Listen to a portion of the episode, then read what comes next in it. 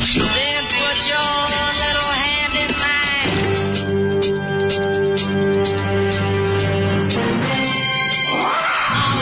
Grupa rozvojenih mladića trči po studenom vazduhu pre zore. Alarm. Ima da kane, nema problema.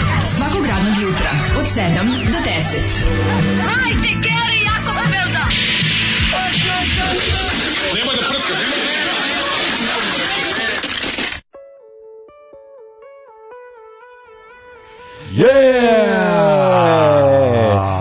Poslednji, poslednji dan avgusta, 31. avgust. Zemla, avgust teški. Avgust teški, Teški da. avgust je.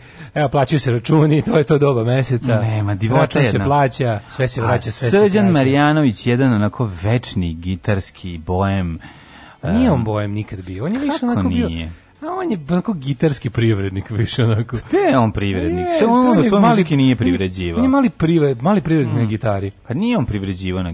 Pa to on- sad jebe, ali imao je taj stav onako. Nije nikad bio to, kao on je baš bio onako baš mesam čovek, razumeš ti, kak nema tu bojemština. On je baš Kad bio, je on bio na mesam? sračun, Dva bre, onako, di nije taj car u Beogradskim prolećima i mesavim.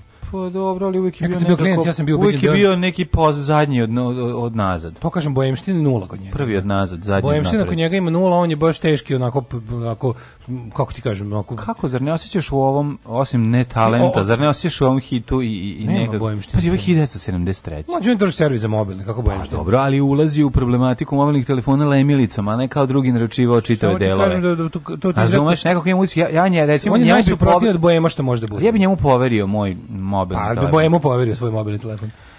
Pa dobro, možda je podvojena ličnost, kako bi Nije, ti rekao. nije. Ja Jako sam- posvećen, uh, jako posvećen mobilnim telefonima, ali A u otkači- kafani se otkači. A otkači se, posle sve Teško. pare spuca u kafani. E, ali kao ja, sam, ja sam bio klinac, ja sam mislio da je on sin od Đorđa Marjanovića. A dobro, da. Zašto sam kao nešto, ne znam Nisi zašto. mogu da razumeš zašto mu daju toliko šan, ovaj, Pa jeste, prostora. da, da, da, Mm. bilo je njega posle dosta po televiziji, po nedeljnim popodnevima. Jeste, Imao je, imao je kredit kod izdavačkih kuća da izdaje ovakve stvari. Posljednji počeo 73. 70. Ja ga se sećam sa sredine 80-ih, da je još uvek kao nešto bio, sa entuzijazmom 18. je giljao, kao razumiješ. Jeste, jeste. Giljao dade dudu reste, ame naće raća ćapa. Da, razvaljivao je, imao je špicu gitaru i one repagije, ove, i plave i gore ješ frizuru. No, onako, pojavljivo se sa tim svojim pesmama koje apsolutno ni jednu nikada nisam zapamtio. Znaš li barem jedan hit da kaže kao, to je jedin, Ne, jedna ne, stvar. ne.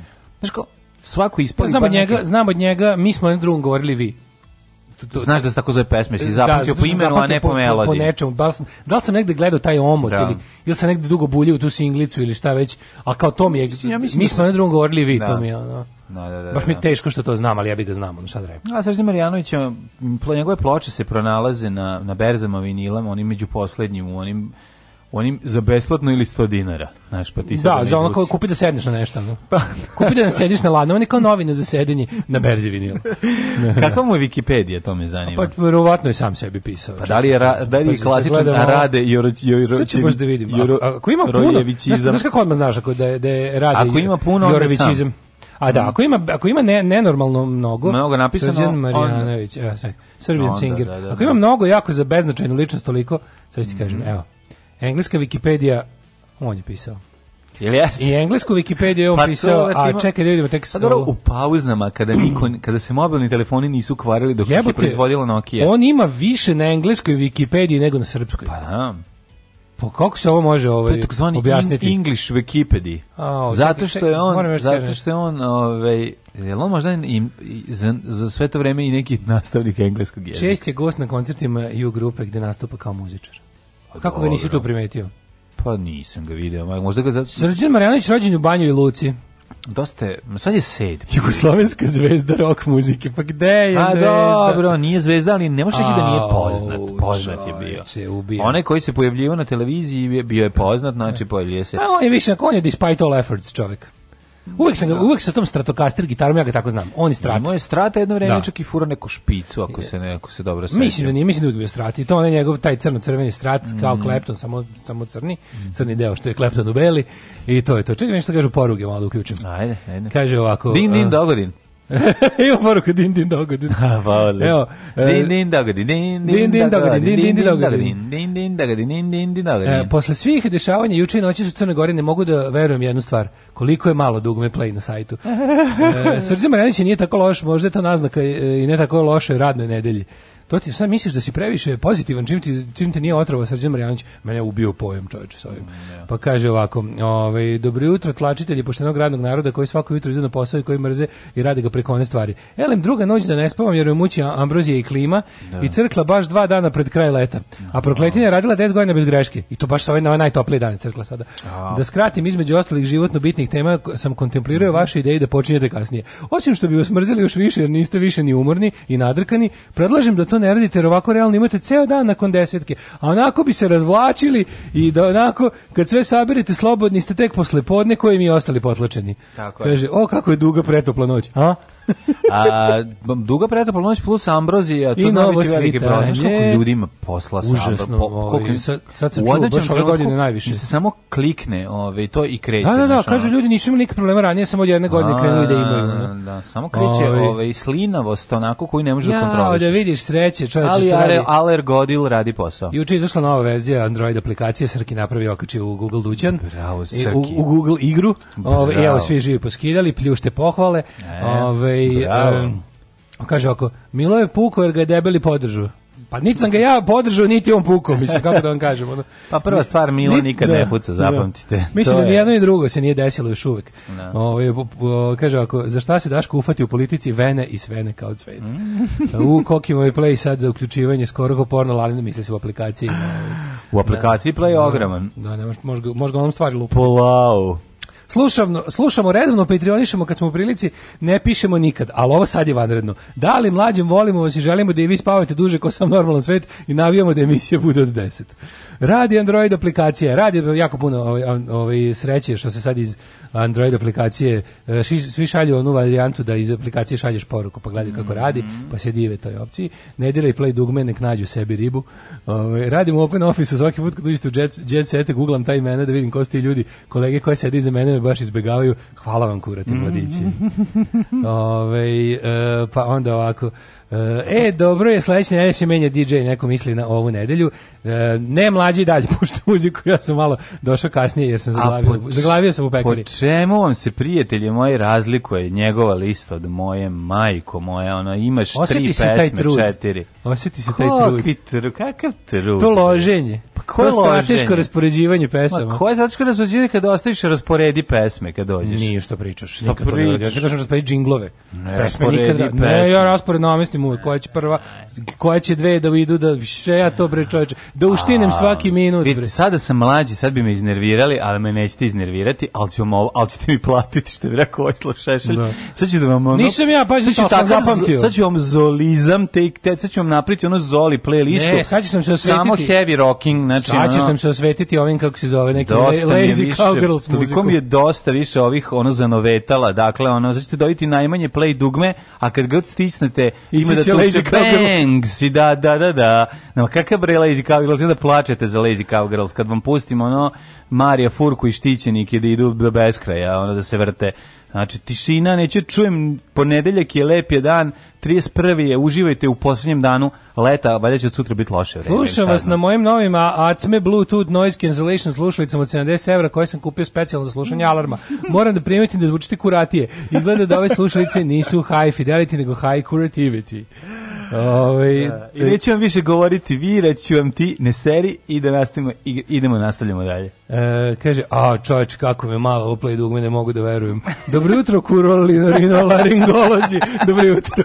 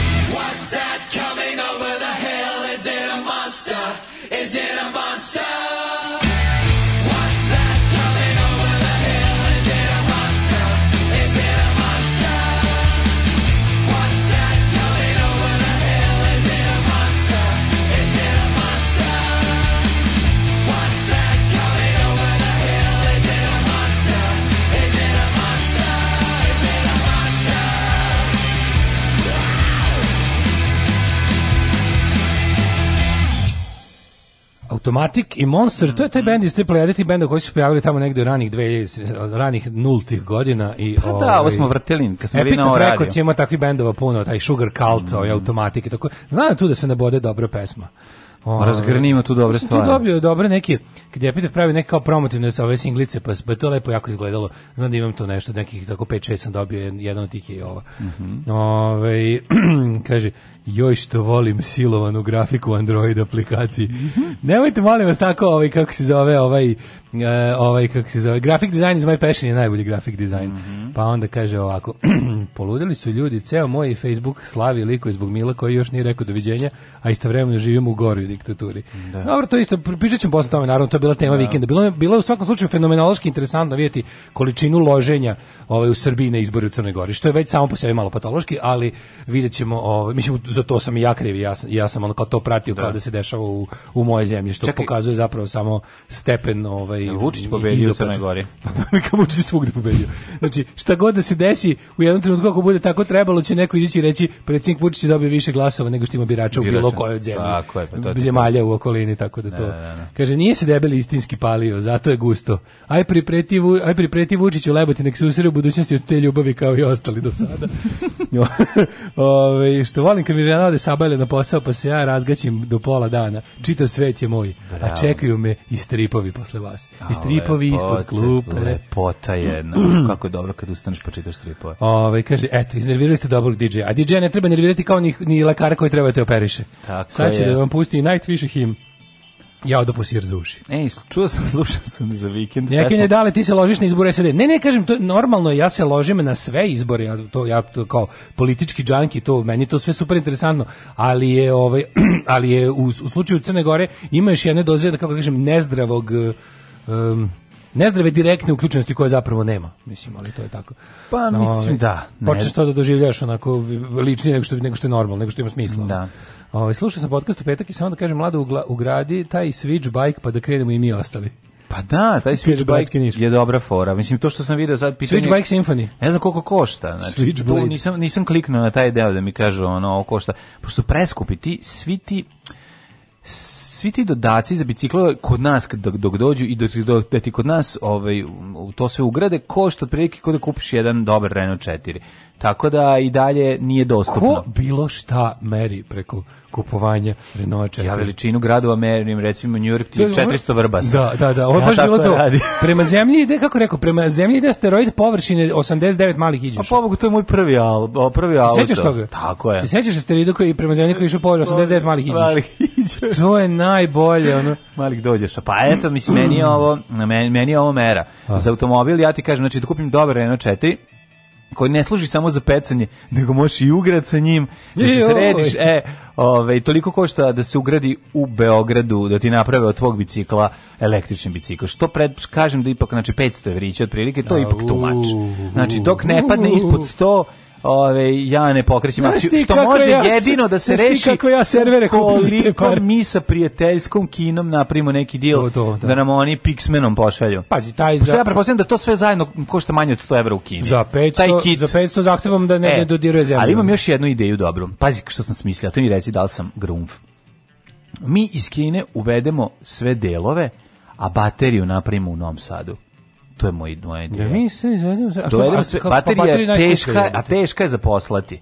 Razumeš? A, zato, ali Znači, teško je za te proizvesti u, u zemlji, u gradu u kom nema ništa za baterije. Kako nema Od imaš? čega mi napravio baterije? Odiš u Zašto pro- IBG bio gnjilan, a ne ovde? Pa ne to, znaš da kad ljudi prave te baterije velike Dobro. za uh, za Da, akumulatorčiće akumulacijske za ove baterije. Da, da, da, za ošrafljivanje i tako Akumulatorske akumula- baterije. E, te akumulatorske mogu možeš za mnogo manje para da ti naprave ljudi u nekim od ovih lemilica šopova, znaš da radi to ono. još postoji? Postoji, kako ne, imaš neko. Kako volim kad dobar, dobar, mali- dobar servis je zlata vredan. Dobar sad- čovjek, dobar čiča s lemilicom, to je, to je, to je, za, to je ugrožena vrsta koju treba Pa sad čuvati. neke, neki stručnjaci koji nas slušaju da je neka ovaj, porazmislila i neka mi daju upute, da li sam u pravu ili je to glupost, znači da li bi bilo Pa teorijski jesi, ali u principu je glupo zašto takvu bateriju ne možete napraviti. Da za takvu bateriju, pa zašto možete to je industrijska stvar. Mislim, Ne, ne možeš da slaganjem različitih baterija dobiješ po određen napon koji ti treba. tako ti i radi, ono, mislim, moraš... da Nije raditi. To je najvažniji deo cijele skalamerije. Di Nije što, tačno. di što prepustiti novosadskom lemiličaru? Ma naravno ću prepustiti, to je baterija majku. Novosadskom lemiličaru ćeš prepustiti, ti To je, napravi... ba,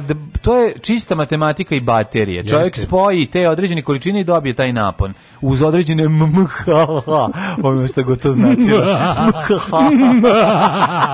to je kada kupuješ telefon, on ti se, zlo, on ti se smeje kao zlikovac iz stripa.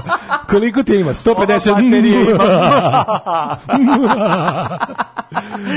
Tako da, ove, a ne znam, vi ra- razmotrite, pa ove, želim dobro. upute, da li, da li ima smisla? Slušaj, je pravi problem? Mom biciklu fali glavni ovaj deo, vozač. Gde to ima da se nabavi? A ima i u Kini da se nabavi, ovaj, ne brinite. I o- Proizvod Proizvešće, mlađu košta ko Renault 4, pa to se ne proizvodi više od 30 godina. Nema veze, njegovoj njegovom sistemu vrednosti to je to je valuta. proizvodi To je valuta. Znači, proizvodio se u nekim, kod nas se ne proizvodi 30 godina, u Jao. novom mestu se je poslednji proizveden 1991. ili 92.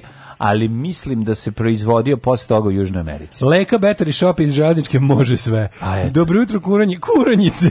Zna neko prodaje polovan iPhone. Treba mi samo da mogu da zoomiram play da vas pustim ujutru. znam, znam i, a, i da povezat ćete. Poprobajte neko. E, a kaži mi, u čemu je ta fora da kao iPhone G ima jako malo dugme, a, a, a ovim Android G imaju veliko Nemaju, dugme? nego od petka imaju Android G mogućnost da razvuku. Jel mogu da razvuku? Da, to je bila nek, nek, neka greškica koja je otklonjena. Ovaj neki bug je bio, a sad možete svi da razločite. Ovaj Znači, pa sad kaže sirotinja može da razvlači. Sad sirotinja. E, eto. sirotinja uvijek to i mogla. Ali je, ovaj, kaže, dobio, kod drugog, ne kod sebe. dobio aplikaciju za plaćanje, pa bi da vam uplatim, a da ne idem u banku. Od podataka mi fali da se izmisli. Može bilo koja ili mora prava. Prava je, ne, prava je tajna, a Da. u, u, aplikaciji. Znate vi šta je ljudima pišem u, u ove u adrese, u imena, Možete staviti šta će u svrhe- računa. U svrhe Znači, uplate. tačan broj računa Ja ukucaj dalje- i to je Ja i najvažnije. dalje dobre svrhe uplate vaše, ovaj, pročitam svakog meseca i smejemo se. Pa možeš da nap, ne znam, da piše oglabaš Bobana ili Mite Balije. Kaže, fenomenološki je to što su noćas trubili po NS bulevarima koji god je razlog ne valja. Dajte se mora kažem da je to zato što je Voša pobedila Partizan u nedelju uveče u ponoć. A dobro, a dobro sad. Ove, šta se radio za vikend? E, za vikend sam bio u selu. Od, Ale, ove, ale. u ove, ove užas, zato se nisam pojavio kod tebe kad si farbao, molovao, ali ovaj, umetnički, ali sam se ja sakrio u, u, u, u hladu švapske kuće beže od ogromnih vrućina. Što ti mogu hladu reći, švapske stara kuće? švapska kuća u naselju Bulkes hladi neverovatnom hladošću, kao da si u malom frižideru. Da. Znaš, Mali mali, frižider, fr, mali friđeš, koji tek onako je uključen na keca i lagano ladi. Tako da debeli zidovi su majka. To sam teo da kažem. To je kod mene su situacije. Ja ceo vikend mlađe sam uspeo da, da mi unutra bude 23,5 stepena. Ceo vikend dok napolju divljalo 35. Znači, kad pogledam na branka Napolju termometra... crnci sa 35 Da, idu, a unutra i sa ovih- 20 a unutra jedva- A ja sa 20, 23 razvuku. Unutra jedva upao, upao u treću dekadu. ne, na, na branka termometru čoveče napolju pokazuje 35, a unutra 23,5. Ej, ja sam doneo branka termometar Tu je tamo, da. 30, ovaj, kako se zove, napolje pokazilo 35, a unutra 23,5. Znaš kako Bravo, triumf, triumf debelih zidova, Aj, samo to. I ispustio si nove roletne, Da, da, da, to je jako važno. Znaš da, znaš koliko roletne znaju da, s- da Da, apsolutno, da, da, da. ne ulazi Ceo dan čepam to, ono. Znači, o, roletne ukidaju efekat staklene mašte. To su dobro, ja sam uzeo one sa, sa onim, sa onom između onom penom za izolaciju, one fine. A ovaj je, e, imamo, a moj vikend je bio ovako od nazad, pazi. Mhm. Noćas nisam spavao iz dva razloga. Jedan što sam juče bio sad spavanje, a fora je druga što sam, znači, lik je neki ostavio, neko je došao u, moju ulicu, malu, pustu i Gde ne prodaju se kifle? da ne prodaje se kifle, I ne, ne teče teče saobraćaj bukvalno. da. Znači, parkirao je neki jako dobar auto, kome se palio alarm na svakih 15 minuta. Oj, ja. Što to meni bukvalno bilo kao da mi je u kreka da spavam s tim Koji, autom. koji je ton bio? Ne, čekaj. Taj, taj, O, on je. majko Taj, taj, ne, ne, ne, ne. A znamo gde je on otišao, majko, on kad ga nije čuo. Pa svi su ga Onda je čuli. prvi put radio sat vremena bez prestanka, dok je ovaj valjda guzio negdje u komšiluku, nije, Mhm. nije mogao da čuje. A onda je, pošto ga je ostavio tu, onda ga je gasio, recimo krene da radi, pa ga ovaj skonta za jedno pola minuta. Ali dovoljno da ti ne da da zaspiš nikako. Celu noć. Evo, sad kad sam kretao, prošao sam pored njega i on se opet upalio. Pa znamo, mogo je da si... Radi se o džipu Mercedes. A, džip Mercedes, neki Mercedes greško, dobro, to Kapiram da ga mačke su ga aktivirali ili tako nešto. A gde je ga mačka? Ma ko zna taj neki brišti ima ono laz zrake smrti iz njega ako mu priđeš. Kontam da onako ne nađem pola, ako ne nađem sad sve mačke iz komšiluka prepolovljene s nekim zracima. ono. A treba će se zavući ispod skloniti onu bombu koja je postavljena i ove i, i samo Ajde, sklon, komšije, skloniti plus minus. Pa samo skloniš plus minus. biznismene. Da, ako možete da ga otvorite, ovaj Ako možete zaobiđete jedan, ako može jedan vaš primjerak da obiđe, zaobiđe moju ulicu. Neverovatno je koliko, znaš šta je problem, kod mene je mučio ker koji je razoblačio na selu, razoblačio plastičnu flašu komšijski ker. tandra, randra. kako se to čulo? Znam, To se znam. čuje u pet ujutru kao, kao da neko sedi pored tebe i da ono gužva flaše, Da, da, da. ne bi li više prostora To ja radim, kako ja dobio. to volim. Pa volim ja u to. životu nisam bacio nezgodno Ja to volim. Eto kad sam to naučio Da, negde pre 20 godina. Pa tako nešto, Neko da. došao, znaš došao malo neko, došao neko iz Grčke i prodao nam taj fazon koji je radio tamo kao barmen. Pa da, ja, ja sam to...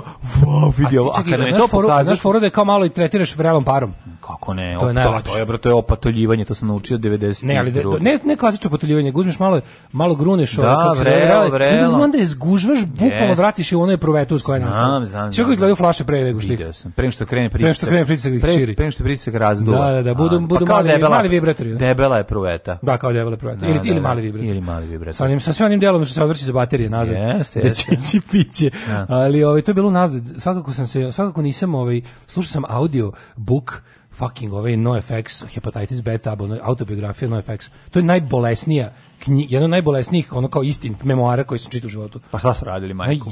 ono je jezivo, ono, možeš pročitati, ili bar slušati audiobook. Ne, stvarno, ono je, kad uzmeš sve te... Ono, mi uzmeš sve te ukratko, samo te najgore. Ma, znači oni ja ne znam, A nisu ja ne radili znam to što su radili Stonesi Ne, radili su gore stvari, matori. Nisu gore radili to što su radili naše babe i dede U ovoj vreme rata. knjizi ima, pa dobro, naše babi i dede nisu imali punk band u Kaliforniji, ali u ovoj knjizi ima, od svaki, svaki od njih Nemoj je, to reći dva. Svaki od njih je priznao 15 godina robio ovoj knjizi, na svu sreću, pa su izlapila krivično delo. Jezi, pazi, oni sami su debilčine i stvari koje su im se desile su, ne onako nije zabavno, odvratno je, nije smešno, nego su baš ono grozne stvari. Znači, nisu, znači kao neki zli descendency.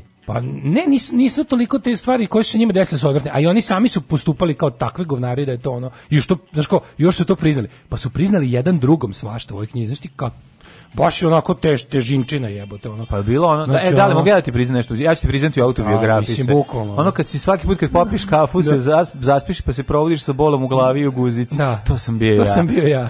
Pa za ovo su prilike takve stvari. Ali ovaj to, to, tako da sam se od, od petka do nedelje uspavljivao s time, s tim što sam otprilike noćas preslušao od, ono porciju od, od 5 sati u cugu. Ono.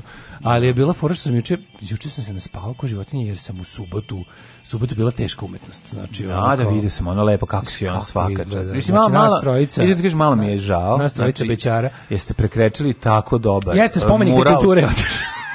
Prekličili ste takav rokerski mural iz Bačkog Petrovca da ovaj Taj ja sam mural teo, ja sam bio- teo da dođem sa ekipom iz Taj mural je bio repelent za goste. da znaš. pokupim masu iz Vrbare i da dođemo ispred i da skandiramo da ne damo sve rok svetinje. Da, teško. Da ne idemo da pre pre Ne, Lidija, na rok Litija je mogla proći kuda u svakom trenutku kad je došao majstor da izglate zid i da se da se A da se, rocker da, se da vraća. se, da se uništi ovaj Čekaj, gled, gledali Naj- ste, niste samo preko njega. Gledao, zid je baš bio full, no, onako, kao papir je bio. Znaš kako bio lep za maj. Ono. Znači, radili ste na glatkom zidu. E, sad smo prvi put radili skroz sa tehnikom projektovanja. Znači uzeli projektor iz Crne kuće, hvala A, Đorđe. tako može svako. Hvala Đorđe.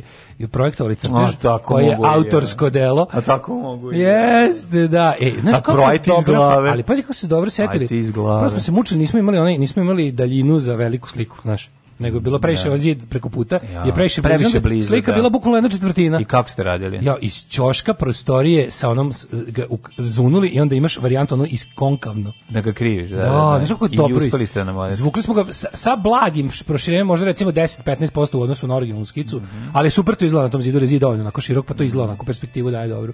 I onda je to bilo super, pa onda olovkiranje onako sve i onda Čekaj, to je kad uđeš u tehnolog desni ili levi zid? kad uđeš i kad ideš prema šanku ti je sa desne strane. Ko desne znaš gde su. Pa kako znam, ne znaš gde da. su bili rocker, saksofonista i dobra riba. A, znam, to s jedne strane... I izvinja se, i lešinar. Nisam siguran, zato što s jedne strane su bile uramljene majice Linar Skinnerda, E, da, a s to još- to je ostalo još uvijek. A to još stoji? To je ostalo preko Znači, rok se ne da. Samo ti kažem, ima još jedno To ne mali, još malo jedno svedočanstvo roka je ostavljeno i ostaće. Jedan onako dosta socko suicidal kostur sa vezanom maramom oko glave. To ostavite. Inače, u ovoj knjizi se saznalo da su Suicidal Tendencies uopšte nisu bili band, nego ono kriminalna banda. Ono kretena, silovatelja i ubice i drug dilera, ono jezivo nešto, čoveče. Šta i mi i, i ovaj, ove- ma, i Mike, svi kad pričam, kad Fat Mike pevač na FX kaže kako ovaj terao, bukvalno, kao, kao kao morao sam da ono, idem kod njega, kao I was his bitch, ono išao sam da prodajem suicidal majice iz, mo, iz mog, ono kao, sa mojim autom, mojim benzinom, iz mog, ono, tranka, sam išao s njime, on bi mi otprilike ono držao pištolj u glavu da, ga, da, da, da idem s njim da radim to, ono.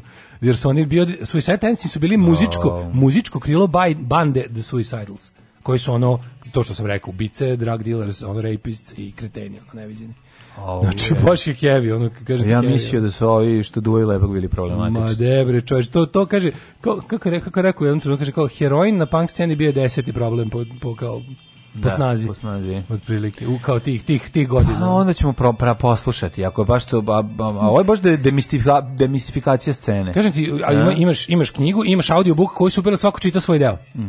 I ovaj Mhm. Ko svako- najgore čita? Pa najgore čitaju ovi likovi koji čak nisu ni čitali sve deo, nego su umjesto njih čitali Jello Biafra i, i ne znam ko još čitaju. Kako ću ti se usrati u život, kurvo? Alarm svakog radnog jutra od 7 do 10. When you are lonesome, solitary, you know I'm never far away.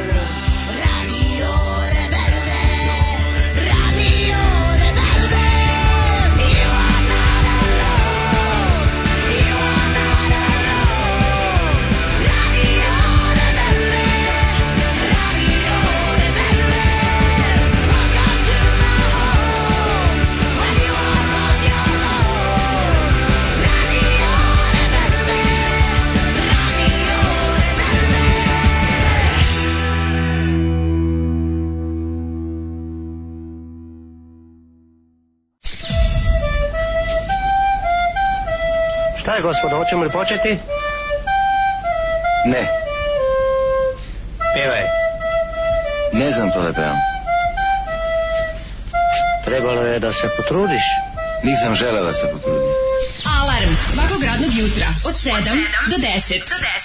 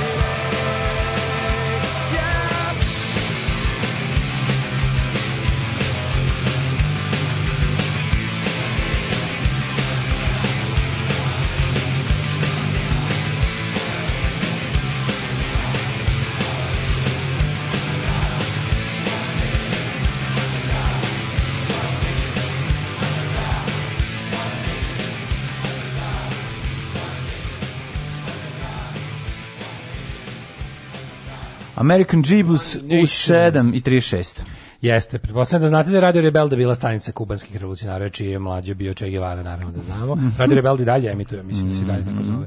Um, evo, sve, ako imate neke pritužbe na aplikacije, autor aplikacije Srđan Radović, rado će primiti vaše ovaj, sugestije, mi ne umemo da, niti smo je pravili, niti umemo da je popravimo. Tako je. Ovaj, ali i morate da znate da, o, kako da vam kažem, e, ponekad je i do vaših telefona i do vašeg provajdera, uglavnom, Tako je. nekad, ne, jednostavno izgleda kod, to je tako vam je to sa Androidom I još stvar da open source ne se- može da, uvek svima. Ako vam se ne dopada playlista, to je do vašeg Androida. Bua. Smejemo se kao baterija. Koja je radno vreme pošte na nas? Ja Ne znam, ali mi se čini će saznati ovih dana. A, bio sam jednom tamo odao poštu nešto. Mislim da sve pošte rade do 7, je li tako? Da je to... Pa ne radi sve. Ne radi sve do 7, ima manje mogu da rade do 2. Znaš koja ono kod riblji pijace radi A, do recimo dva. jedna, jedna, jednu smenu, a? Da, da, Uglavnom samo da, jednu smenu. ili do 2 ili do 7 sad je Da, da. Kažem, Ove što se lakše pljačkaju, te kraće rade. E, to je isto. To je mala zanimljivost. Uvek te opucaju. Te što A, da. kraće rade budu ranije Pa, mislim, kad su ono zabuđene negde. A i manje love odnesu, iskreno. Da, ovaj, e, mora biti drvored ispred švapske kuće radi bolje ladovine. Tako je. Jeste. Sam je po prvi put radi da šaljem SMS direktno preko vaše aplikacije. Uživaj, go crazy. Samo šalji. Evo, mi ga pročitali, čovječe. Cepaj, cepaj. Mi ga i pročitali. Ovaj, e, ajmo bre u prošlost. 31. august, ajde da vidimo. 31. august.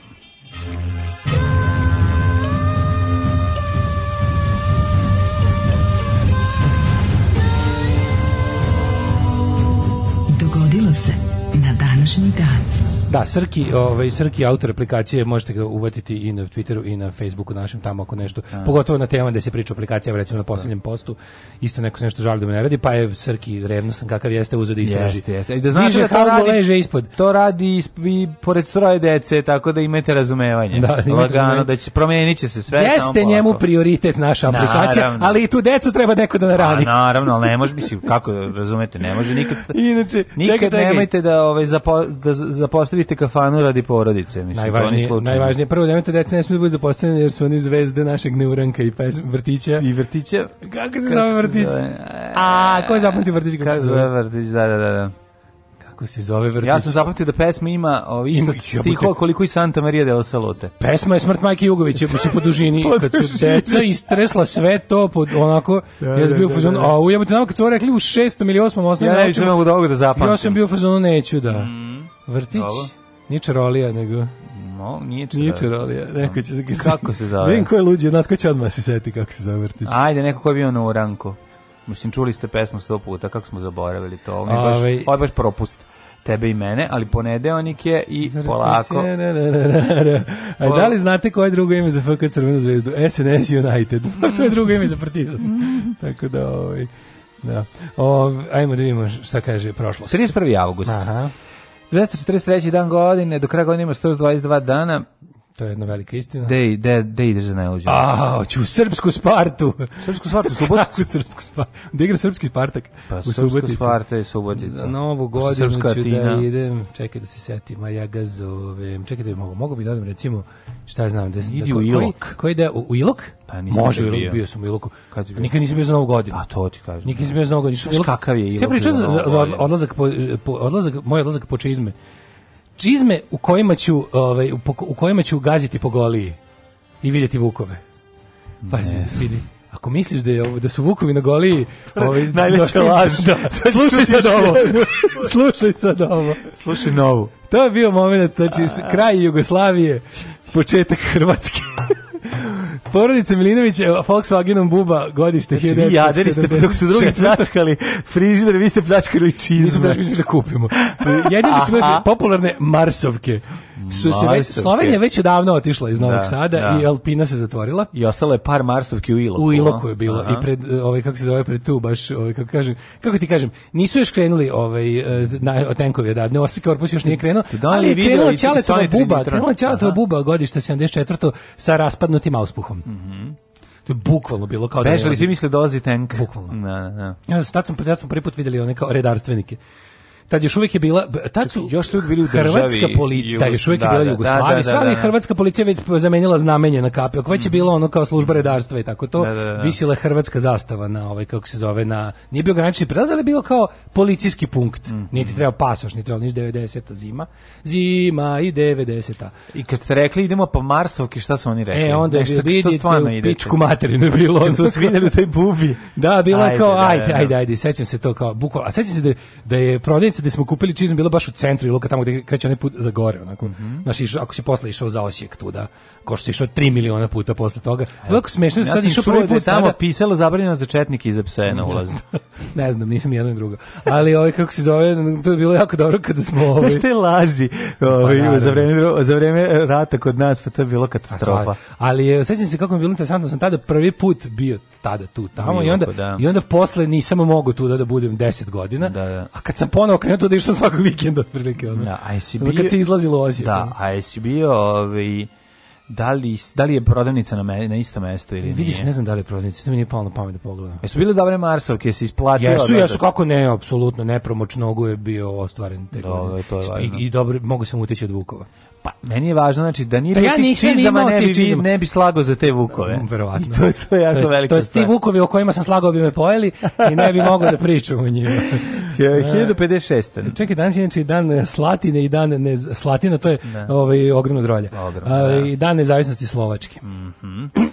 Hej, Slovaci, čestitamo vam. Ovaj, Ovaj, ovaj bi Boga mi ima ih i u, na severu Bačke.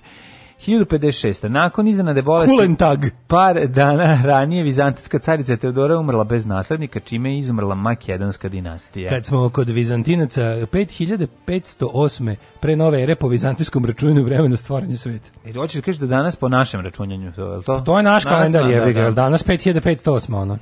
Pa jeste?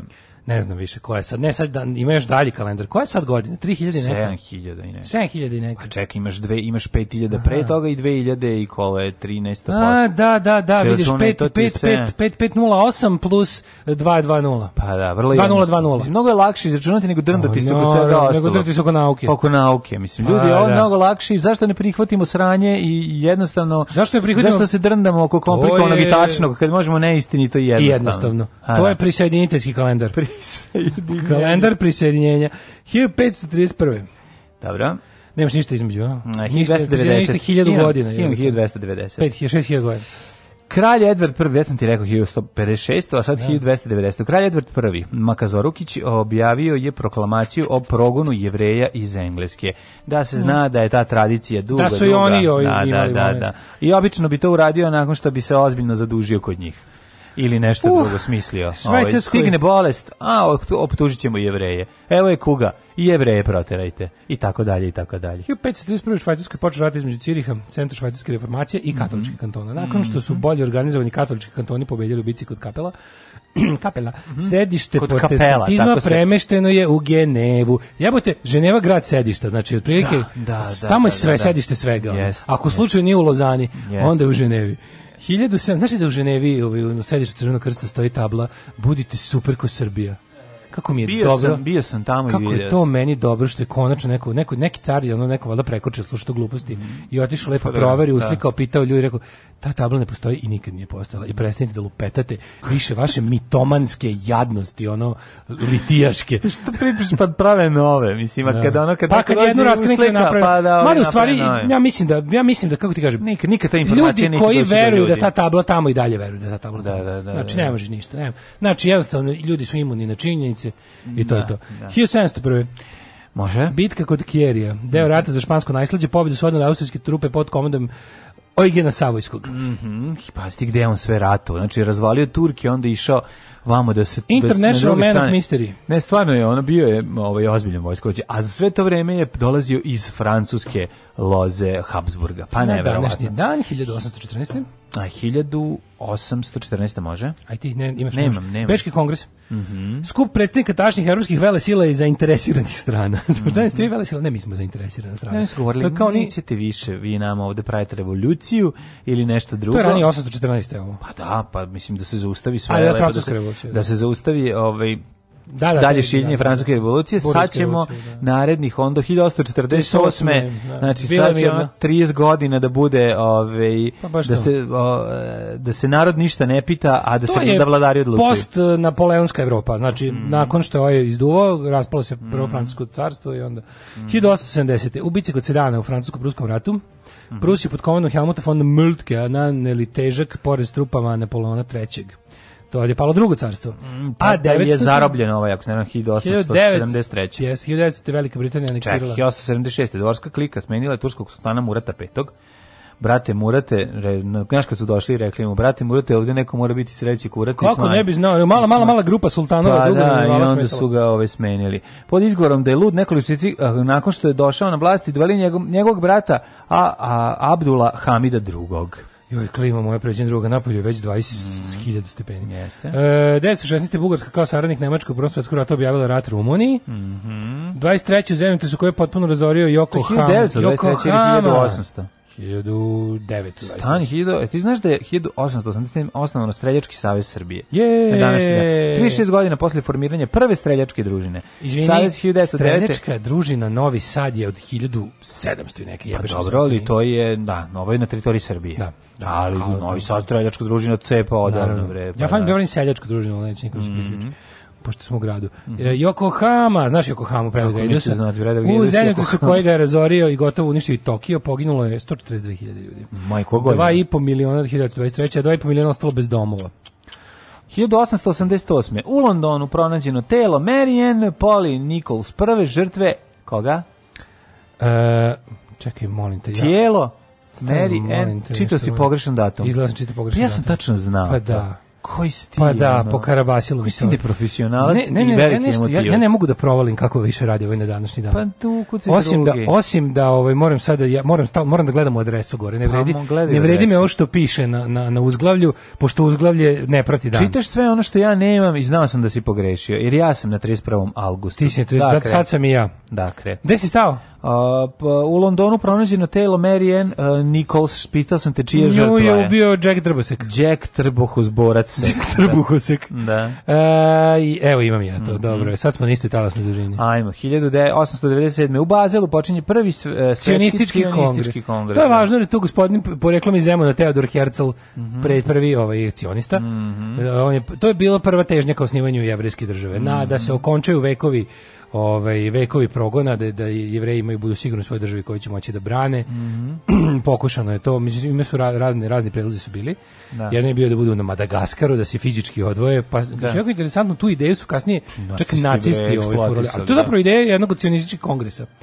Ovaj mislim nisu iz istih razloga to žele žele Da. sklone kao kužne. A ovi stali da ali više da ih ono, više niko da da, da, da ih prilike more štiti, da. Ovaj ali je onda vrlo brzo je ovaj em, ideja prebačena kao na biblijsku prapostojbinu, odnosno današnju tadašnju Palestinu. 20 godina posle počeli su pregovori cionista i Velike Britanije, koja je bila jel, ono kao vlasnik Palestine u tom U trenutku. posjedu Palestine, da, Da. da, da. 1902. Počeo, a, počele antisrpske demonstracije u Zagrebu. Ovo, mislim da su ovo prve. Koje su 1902. bile. Da, da, da, da. To su bile p- prve. E sad kao... ovaj, A kako antisrpski protiv Pa bili su Srbije ili protiv- razbijani su, pa kako protiv... ili protiv 1902.? naroda Srba u, u Hrvatskoj? Pa protiv, protiv Srba, ali sad ću vidjeti Protiv zašto, Srba u zaboravio Hrvatskoj, sam to šta je, da, da, da. Znam da su, znam da su uništavane radnje. To ono čega se sećam. 1902.. 1902. Da, da, da, da. Koji je bio povod za to? Makar, E, mislim... Evo, student prava Ive e, Eligović bacio je Ante Pavelić, student prava, on jeste bio pravnik. Pa to, su, da? to su sigurno... Nije Ante Pavelić, bacio je kamen e, na Srpsku banku, onda je došlo da između njega i policajaca, policajaca koji to masa ljudi je stala u zaštitu studenta i krenula kamenjem da gađa Srpsku banku, potom Srpsku štampariju i uredništvo Srbobrana. Policija je reagovala oko pet popodne masa se spadala u uredništvo Srbobrana. Policija je ja, još jače reagovala što je dodatno iritiralo masu pa je krenulo dalje. Ali to jesu bili pravaši, pravaši Da, su... da, 20.000 demonstranata, od kojih je 103 osuđeni. Ukupna šteta prema austro-ugarskim vlastima iznosile 50.286 kun- kruna, Da, to, jesu ništa bili- ne znači. To jesu bili pravaši koji jesu, kako ti kažem, Da, da, da. ono, politički oci ono, i ustaškog pokreta. ono. Mhm. E, mislim, u, u to vrijeme nije bilo potrebe za ustaški pokret, ali kako se ali to, je- to je jedna, jedna postoji kontinuitet. Mhm. Ove, 1907. U Petrogradu je potpisan englesko-ruski sporazum u kojem su Velika Britanija i Rusija podelili interesne sfere u Persiji, Afganistanu i Tibetu.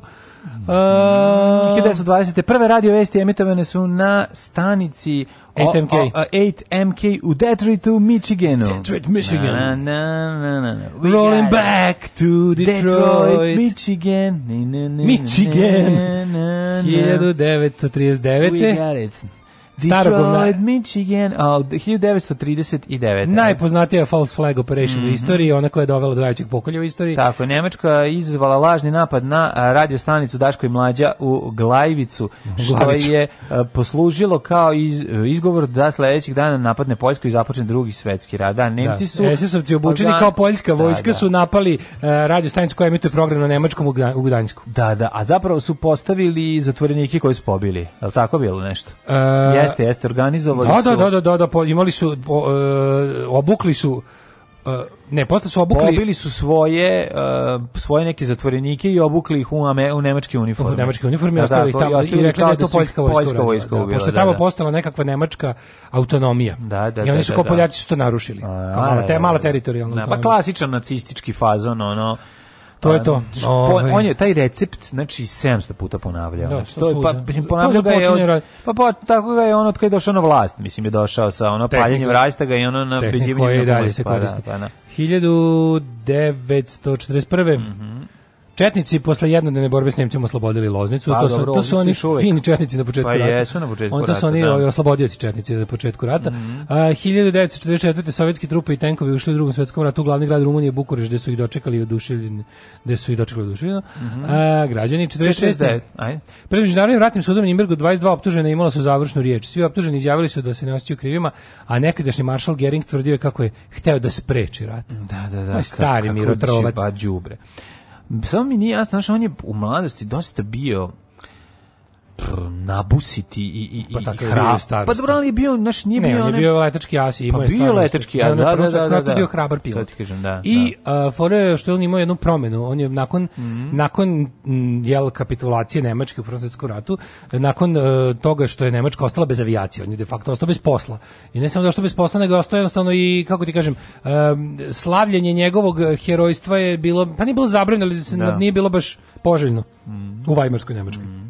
I njega je to gurnulo u prvo, on je postao ovisnik o morfijumu. On je postao narkoman, pravi, pročati Da. narkoman u Da, sadašnjem ti smislu. da. Kasnije i ove morfijum pa i ove ostale razne uh, amfetamin, sulfate i spidove i ostale gluposti.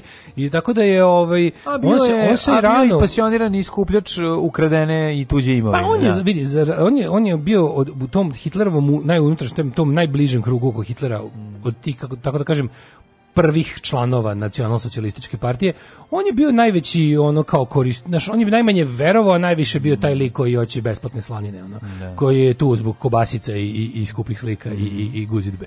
Ove ostali su bili mnogo veći fanatici, to se je videlo nekoliko puta kroz kroz tu njegovu ono kao Tako bio- da bio je- mora, bio je- bio je uvek- može se bio reći, može se reći da je deo gde bio brani piljar. bio i tačan.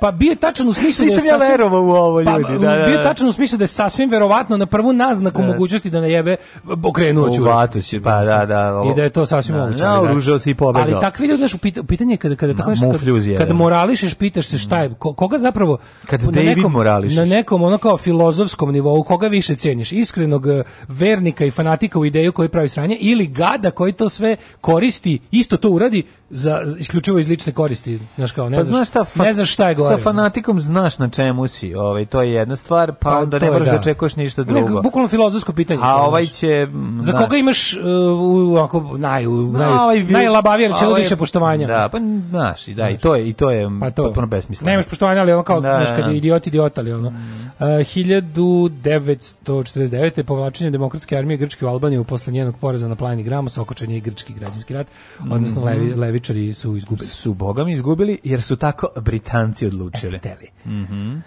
40... Stalin nije pomogao, Tito je pomogao koliko je mogao, pa je ne. da bi da bi terao i nad Staljinu i ne. primljeno jako puno grčkih izbeglica u, u Jugoslaviji Tako preko je. Makedonije. Predsjednik ja bio u jednom mestu gde su oni baš bio kući, baš da. bio za vikend, da. Gde prethodni vlasnik izašao kroz prozor. 1000 da pa pronađi mi kuću ono u, u ovom kako se zove u Vojvodini iz koje pogotovo švapsku iz koje prethodni vlasnik nije ovaj nakon što je nekoliko godina furao traku ovaj sa belim krugom crvenu i unutra svastikom šrunjajom i snajom jednostavno je bilo to samo I'm pitanje fine with that. Da, da, da. 1957. Neovisnost Malezije od Velike Britanije. 1977. Predsjednik SFRJ Jugoslavije Josip Broz Tito doputovao je u prvu posjetu kome? Kini. Bravo. A tu negde je odmah, kad je već bio tamo u tom delu sveta, posjetio i Severnu Koreju. Jel odatle onaj ćaća video Živeo nam predsjednice u slobodno. Je to Koreji? To je Severna Koreja. Severne Moj Koreje. ćaća je bio tamo. Jeste. U, Tada kad je išao i Da, da, Tito? to u toj ekipi. Tad, se- Ozbiljno? tad je otvorena, pa da, kad je mogo.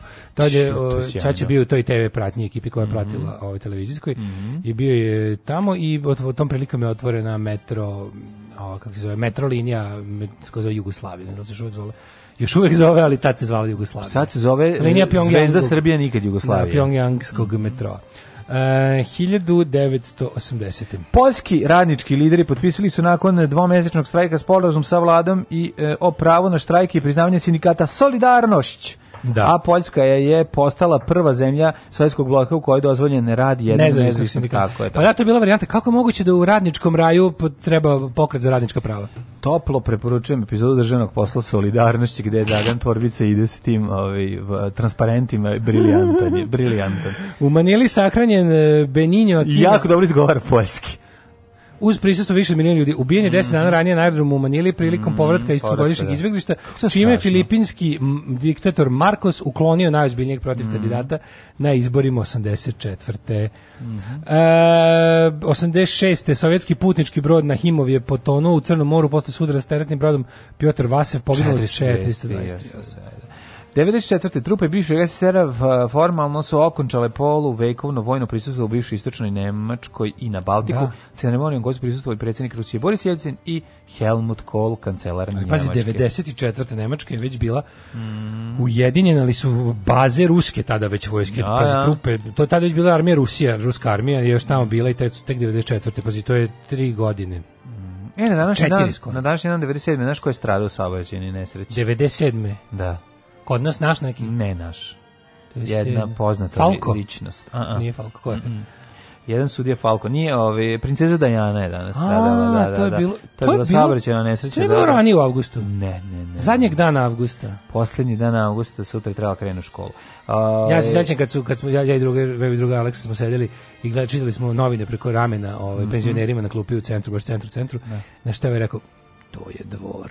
To je dvor, pa da. To je dvor. Što nije daleko od ove i To je dvor. Vidi, pen svak u, u, u, u, moru gluposti, u moru gluposti koji izgovore penzionerima ima jedna kap istine. A meni je bio najsmešniji fazon šta je posljednji proletar kroz glavu e, Cezi ne mogu to više. Znači, su svaka savrće ne znaš šta je bio- poslednje proletelo, to, Da. toši tu presko. I kad mi priči, gleda me, ono, a ja, a ti onako- čekaš kao, a ja kao, a ti onda kažeš kao karburator, on kaže nije nego blok motora, onda kao, u, skroz menja suštinu tvog super fazona. Ne, ne, ne mogu, ne mogu. Da, nije ono- baš bilo nepredvidivo. Ne. E, u stampedu na mostu Alman, u Aljman u Bagdadu poginulo 1199 osoba. Majko, moja, kako, šta, šta, šta, kako, za čega Stampedu na mostu, vjerojatno kao i pao most od svega toga. Jezivo, jezivo. Ljudi, prevarili ste, ali krivac je ovde negde među vama. Alarm sa Daškom i Mlađom. We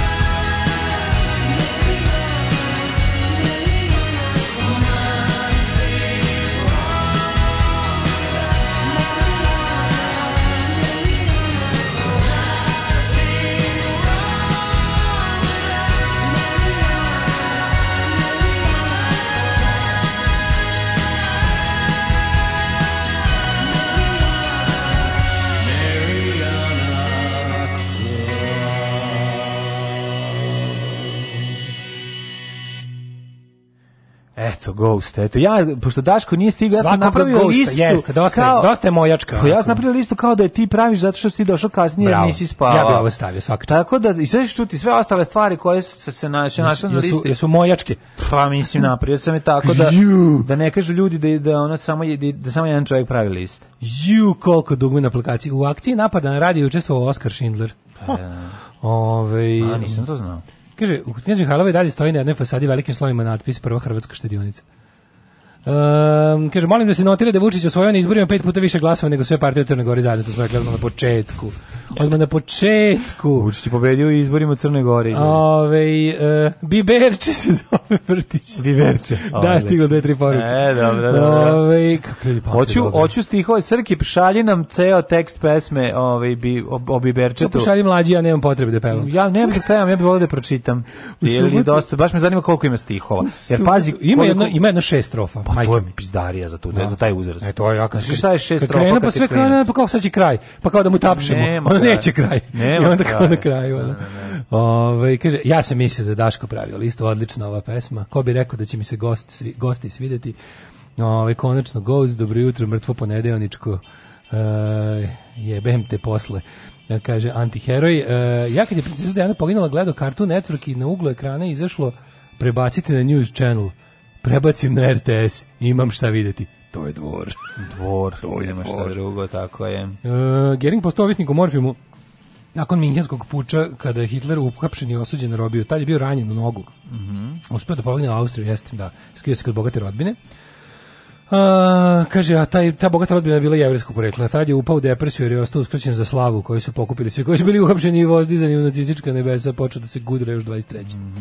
U posljednji njega čovječ, on je, čekao, on je 10 godina kao džanki čekao da dođe na vlast. Pa mislim, Čekao, stvarno. stvarno, svaka Pa čast. stvarno baš Kako onako, radikal pa dok su dok, dok bio radikal pa dok su postali naprednjaci pa dok su osvojili vlast. Ove, uh, S tim, da, onaj, da, da, s, tim, s tim da naš radikal pujdali pujde ceo život, ovaj bar Pujdali, leteo pujdali, avionom pujdali, i nešto, ono bio, znaš kao, To ti kažem, to su najbolji su ti momenti kad kao ono naš Da. kao slučajno osjetiš da imaš iz nekog ono kao ne kažeš više poštovanja, ali kao budete kao u fuzonu kao ovi što su primirisali baruti imaju kao naš imaju neki veći kredibilitet da, Da, da, da, da, da. prave sranja bazirana na barutu. Pa Dobili smo poruku od ovih naših drugara koji je rekao da mu je su mu draži proračunati kreteni od ovih. Draži su mu proračunati. Da, da, da, ima smisla. To, više da. relatuje, pa ja ne znam. Pa ne, nego... to- da su draži da. proračunati kreteni. Pa mislim, proračunati ja ja kreten ja- će... Jako, jako, znaš, ono kao, ne, znam da li sam dobro formulisao šta želim da kažem. Ne draži, pa nego, znaš, kao proračun... Ne znam da sam ja dobro parafrazirao Ne, ne. poruku, pošto ne mogu trenutno da otvorim Aha. Facebook ili moram puno puta da kliknem. A malo dugme, šta? Malo dugme? Ne, malo Ovaj, dugme, nego... Proračunati, E, znaš šta je, proračunati kretanje je lakši za skidanje. Pa naravno, zato što- pa to je to. S te strane, kao, ako je, ako je, Može se desiti da manje štete proizvede. pa da, ali ako je proračunat, ako je proračunat u službi, kako da kažem, zle ideologije, znaš šta je, pa problem su Nije proračun, proračun korumpirani. Znači, Korumpirani, uvijek tako je, da. da, da. Korumpirane- Uvijek biram korumpiranog gada nego fanatika. Zato što može se tako je, da, dogovori da, da. i u opštem Praktično, sistemu da. zla korupcija često spašava živote. To je tačno, Da, to je da, tačno, da, e, da, da. Dokle god može da se zlato zameni za život, a to je moguće. Mislim, to je moglo uvek. Nije postojao Da. ni jedan, pazi, nacistička Nemačka je dostigla zavidan nivo fanatizma kod Da, ljudi. da, da, ali da, nije da, da. iskorenila korump. Fanatizam nije korumpirao. Dragom Novaku na Da, ovoj poruci. ovaj, fanatizam nije iskorenio korupciju, a korupcija može to da, to ste u pravu. A je što uvek sve te, sve te fanatične ideologije, bilo da su leve ili desne, dolaze sa pričom borbe protiv korupcije. I, o- I uvek na kraju padnu od korupcije. Naravno, Mislim i naš kao socijalistički sistem je pao zbog pojela korupcije. Sve je pojela korupcija. I najplemenitiju ideju pojela korupcije. Onda kad gledaš, na primjer, kao, ok, kad je ideologija zla već po defaultu, pa u njoj nađeš korumpiranog, to je onda to je rupa za spasavanje života. To je put ka, a kao, a kao kad, si, kad, si, kad si navodno kao jel, neki proponent dobre ideologije, progresivne, humanističke, ljudske, progresivne, a isto si korumpiran, razumeš, isto si ti Isto isto do- kuda će, kuda će ideologija pasti. Pa naravno. E, Jer će krenuti od nepotizma pa pa nadalje. da, da, da, da, apsolutno. da. Mislim, o tome možda vidiš u, ovaj, socijalističkim zemljama šta je bilo. I ugradit ćeš ovaj, jedno, jedan šaraf zarađali koji će zaustaviti mašinu. Da, to je to. Da, da. E, rođendani, 12. 1002, Samo 1800, 12. ja, samo 12. Aha. 12. godine. Rođen Gaj Julij Cezar Germanik, poznat po nadimku Caligula. A, Kaligula. hm. Caligula. Gledali smo film sa Helen Mirren. Jesam ti rekao da sam ja skinuo onu porno verziju baš? To ili imaš to? Ima baš Ja nisam baš, o, Ja sam imaš video- Tinto Brass E, verziju, tako, slušaj, ja imaš Tinto Brass verziju, imaš Bob Gučone verziju. To sam te ti kažem, ja sam gledao neke segmente iz tog bolesnijeg. I to sam video Imaš, negde nije, na netu. nisu ni, Tinto Brasov je arguably bolesniji, ali je Da. pornografski, Pornografski, znači sa dignutim da. kitama je Bob Gučone verzija. Jer je on bio u fazonu kao sve to su, Tinto Brass je to režirao i onda ga se ono Mhm. odrekao, odnosno izdao je svoju kao verziju koju ovaj finansijer, vlasnik Penthausa, i je navodni poslovni partner socijalističke Jugoslavije u, hotela na Krku. Ovaj Bob Gučone je teo da vi njega nije interesovalo da pobedi na festivalima nego da zaradi ono i onda izdate verzije sa hardcore verzija, pornić verzija, Da, porno, da. Mhm. baš baš porno verzija. Uh, hil- tako da su Malcolm McDowell i Ellen, Ellen, Helen Mirren gl- glumili u Porniću. 1811. rođen... Ne možeš reći da Helen nije sve probala. Pa, to se kaže. Da, da, da. E, rođen Theophile Gautier, francuski pesnik, romanopisac i kritičar. 1870. Marija Montessori, italijanska lekarka i pedagoškinja. I puš, kuš, puško metralječkinja. Siškinja. 1880. Pa onda. Rođena Wilhelmina od Holandije. prva holandska kraljica. Mina, kako su je zvali. Mina. Mina. 1884. Mato Hanžeković, književnik, povjesničar te publicist. Zlatka Radica, operska pjevačica. William Sarojan, američki književnik, 1908. imali smo čitanci. Uh, baš me zanima da li je William Sarojan u današnjoj čitanci, da li su deci suženi vidici da, da, da, da ne čitaju takve stvari. Ne znam, ali znam da, 1900 znam da za osmi razred istorija lepo pokazuje dva antifašistička Ju, ju, pokreta. jesi vidio onaj tekst? Ne, sam se iznervirao, ajmo dalje. Dobro, Kako nervira. 1924. Ej, Frederick Mar, uh, March, 1897. američki glumac.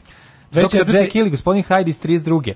Znam tu facu. Sad sam se 24. rođen Jasmin Zelončani, to glumi Ilija Stojanović, Mm. a 28. je rođen James Coburn. Kakva faca, majko moja. James Nije- Coburn, američki glumac, koja James faca. Coburn, je to takva facetina. On je Jeste. kao neki Ima ono... zajebani. Steve McQueen. Znaš kako to da objasnim? on je Steve McQueen ukršten sa onim našim glumcem, kako Da. se zove taj glumac, onaj... Pera, Jo, bre. Bruder Pera. Ne, ne, ne, ne, ne, ne, ne, ima ima Koburnski, onaj Koji čekaj naš da je se setim, jebe mu suci. Jovanović onaj. Se ne mogu se setiti ni jedne njegove uloge, samo mi pada, samo mi pada, pada njegova uloga u u ovome u u u, u otpisanim onoj epizodi kad spašavaju ovaj vodovod. Pa to je što je nedavno preminuo. Ne. Nije on nedavno primio. Kako, kako ga ne Jeste, naći bre, na ga. njega mi sp- On je umro bre pre nelju dana. Što igra onog uh, ilegalca, kako se zove, u otpisanima. A svi su legalci otpisani.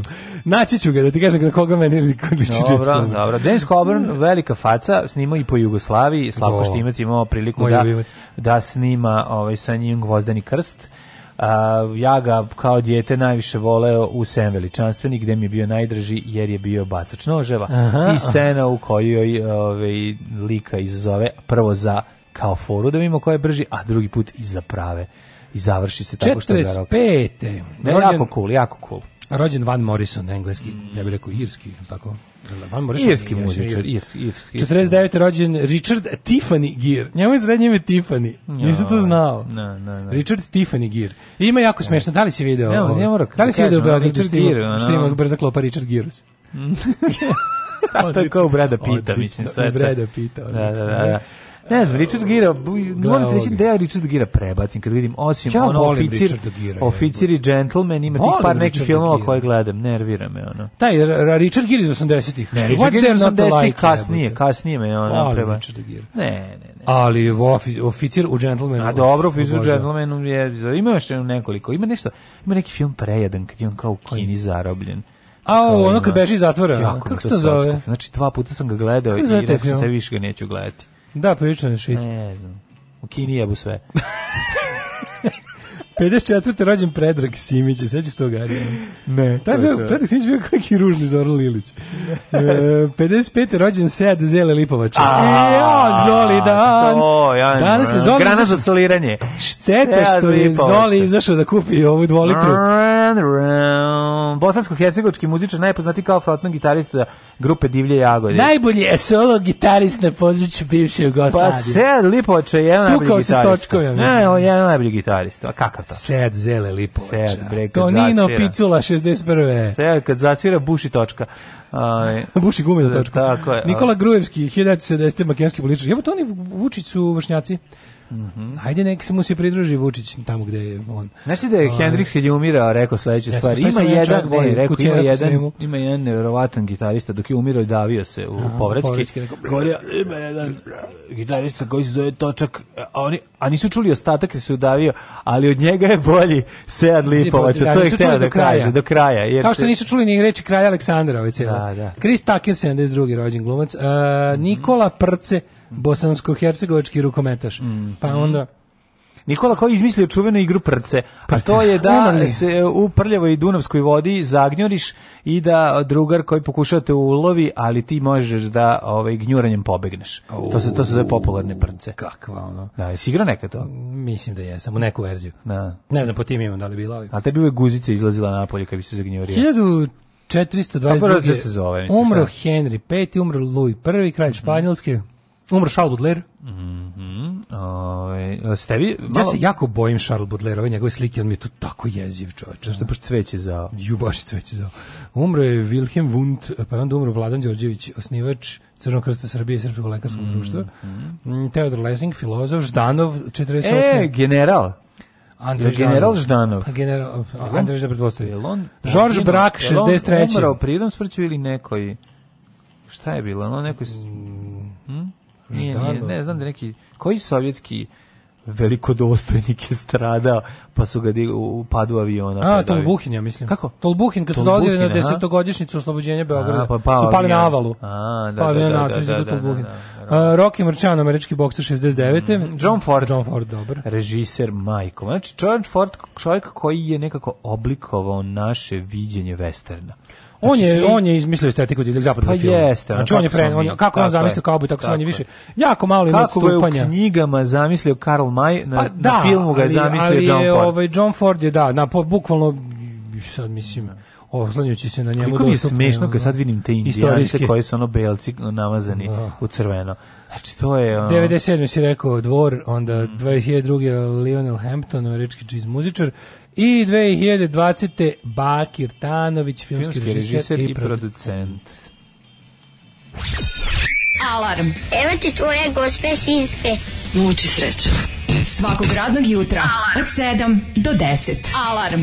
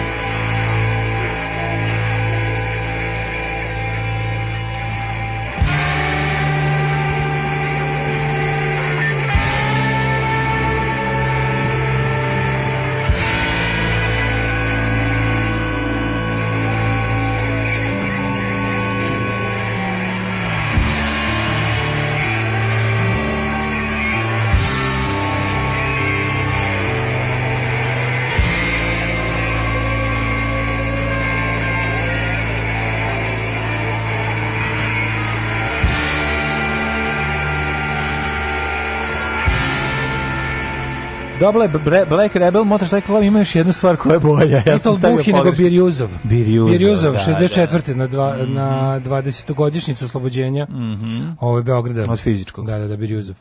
Ovaj, glumac koji meni liči na Koburna je Velimir Životić. Ne liči uopšte. Ma dobro. kako ne liči, Kako pogledaj ga, liči, čoveče. ne, do, Kako ti nemoj, ne liči na nemoj. Coburna? Pa otkud li, baš ne liči. Ne liči na Coburna u Gvozdenu Ni Krstolju, malo, na malo. ni malo. Ne, ne, ne. Meni ne. liči. Ne, ali dobro. Zanimljivo je da je A- a- sed, a a lju- Brković mu crni. A, to, je, to, malo. mislim da je tu više od igre, tu glumi onoga Da, gradonačelnika. da, da, gradonačelniku više od igre. U- Pa to je najpoznatiji. Gradina. U Gradini. A da, da. ovaj e, čekaj, samo da setim koga su drugi predložili, a i ti si se složio, je glumac se zove Zoran Miljković. Isti ko Zoran Miljković. bre. Zoran Miljković baš liči na Koburna. Tako da taj čovjek što je preminuo. Meni, taj Zoran Miljković je isti Ćale jednog mog drugara iz osnovne. Znači mogu i da glumi. Kako bude se snimao film o meni i Zoran Miljković glumiti Ćaleta mog drugara. Eto, onda je sve rešeno. Um, Maša Digitalno, da. naravno. Pa kaže ovako, ovaj... Um, kaže, svi su uhvatili za play i niko da primeti da su na kastofonu levi izvučnici ispravni pod konca, desni raspadnuti i drugačiji od levi. Zato što je Taško crtao i radi se o detaljima. Lepo što ste primetili. Da. Ovaj, e, pa onda ovako. To je sve dale crtao za velike i male. O, Da, baš divan si. e, I morao da dahće u flomaster, jer mu je nestajalo crne boje. a Koje su da, totalno prvo potroši. bio, bio je bilo marker pa Tracy. Da, da. Marker pa Dick Tracy. E, kaže ovako, posljednje reči kralja Aleksandra bile su šta će čovekovo lika creva? Mhm. Te za zalivanje, te za pretok, te za Iberlauf i izdahnuo. Mhm. kaže, ste već Kenjali u Crnoj Gori ili ne? Ja uz to da radimo do 8, vozač Forestera, nismo još. Pa Kenja ćemo Kenja u će drugom ovaj narod. satu, čekajte ljudi. Da, evo još jedan glas za Zorana Miljkovića, za ovoga e, Jamesa Coburna. Mm. Isti, bre, Noćas ono. ustala nahranim bebu i pošto nisam mogla odmah da zaspim, reših da odslušam podcast od petka. Gospode, Bože, do ujutro sam imala neke lucine snove kojima me Daško vodi u svoj penthouse. I baš me izgotivio i čak sam mu i sedela u krilu. A inače, kad je u petak pominjao onih pet mesta za odmor u Srbiji, moram reći da su moji išli u Pačir. Pošto nisu mogli da nađu smešta i svakog dana su vozili tamo i nazad iz Kikinde. Nedelju dana, kakav odmor. A kako su A dobro, ko nije Zašto su se vratili drugi put? Pa nije ono? daleko Pačir. Pa dobro su hteli ljudi da se odmore, jebeš odmor kad ideš tamo vamo. Ono. Dobro i na moru kad si Pa voziš se do plaže, bar koliko je, da, koliko je Pačir daleko od Kikinde? Pa kad si na moru gledaš da se ne voziš do plaže, osim kad napraviš izlet jednom u tih 10 dana, ako imaš čime i kako. znaš. Pa voziš se ako su lepe plaže, ideš Pa da vidiš. da, ali onako gledaš da se A nabudiš voziš se negde blizu 15 plaže. minuta, 20 do plaže, šta? O, Vidi se ti čovjek uopšte koji ne ide na more. To je tako znači ono. Ne, kad si nema- na moru gleda se. ja ti kad si na moru gledaš da ne budeš na moru. Da. Tako da onda nemoj da slušamo Pa tvoje savete. Ja, sam, ja sam na moru u Kujni. Ove, kaže... O, Za lepu plažu mora čovjek da se razgrni, ima tu lepe plaže, moraš da A se što ne odeš odmah na, zašto skupal tako? Nije skupo, Ne odeš blizu lepe plaže. smeštaj na svakoj Aha, plaži. na plažama nema plaže u. Grčkoj, ono gde imaš samo i da kupiš sok, nešto malo gricneš i ono Ove puno godine- peska. Baš se ove vidi da godine, nisi nikad išao na peščane ove godine, plaže. Ove godine mi je moje uverenje da se ono kao ne treba mučiti na godišnjem odmoru mi je bukvalno ono super upetostručilo mi se. Kad sam vidio koliko su se ove godine ljudi mučili da vide kao malo odmora, malo putovanja. važno Koliko im mi je. ih je bilo žao je. Pa važno je to ljudima. Da, vidim. ja to razumem. I meni fali, meni nedostajalo 10 dana na moru. Meni ne treba više. Ja moram kad 15 dana na moru je precenjeno. Ali 7 do Prazan 10 život je pakao. 7 do 10 dana na moru je tamo onoliko koliko treba. 7 je u redu. Ove, i, i to, je- to, je- to je ono da se osoliš da ti, da ti, da ti dosadi sve da pokvariš stomak od ovaj kukuruza. Ako nećete da danas pada da, da danas pada kiša, a hoće, kupite kukuruz i ostavite bakšiša. To je govorio sve vreme dok smo bili na moru. Jako, jako zanimljiv lik. To je naj, kukuruz. najneri, najnerima rima. Pa mislim, smislio. Aj brzo jedan hidmet, onako jedan brzo, ako da ja vidimo koliko brzo.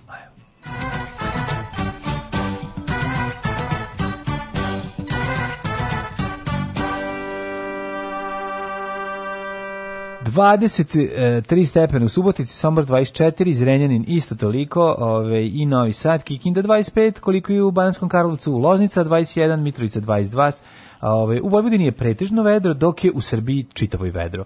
Loznica 21, Mitrovica 22, Valjevo 24, Beograd 26, Vedroća. Što večera se očekuje neki zakon. Klagovac 23, Zrenjanska palanka 22, pa ako sećaš kad smo mi u petak otišli rečeno da će u ponedeljak biti.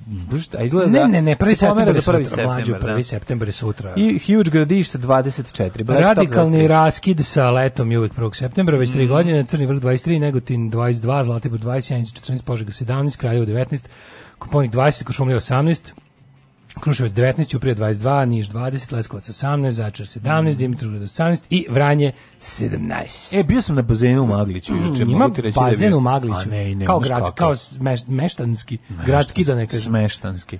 Da, znaš kako je noćan bazen. Bolje, Stvarno? Znaš, šesto puta bolje nego Jebote, Maglić je Petrovan. manje recimo od Iriga, a nema, a kakav nema bazen, bazen. ima. Znaš kako ima bazen, kako, znaš kako je srednje. Ili Ruma ima bazen? Ima Borkovački. onaj neki. Ima jezero Borkovačko.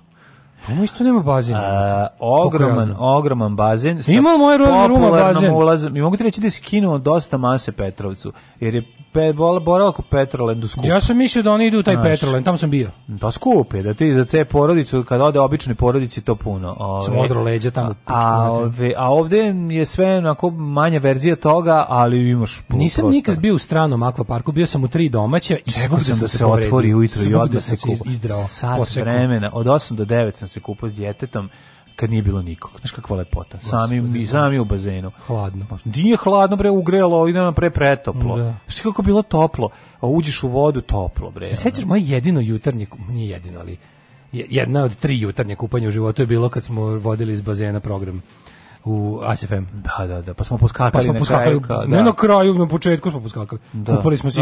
To je jedno od ranijih onako mojih ulazaka u vodu u životu. Da, da, da. Jedno je bilo na moru. Čuti, tad smo ušli za džabe na bazen. Da. To nam je bilo najveći poslednji put bio na tom bazenu, mislim. Me Da, bio da. sam još jednom posle. Ali je ovaj to kao kupanje nešto, znam da sam se kao noćno kupanje mi je super. Noćno to kao kupanje je najbolje, to je rekao Vuk Roksandić. Vuk Roksandić, Roksandić, da.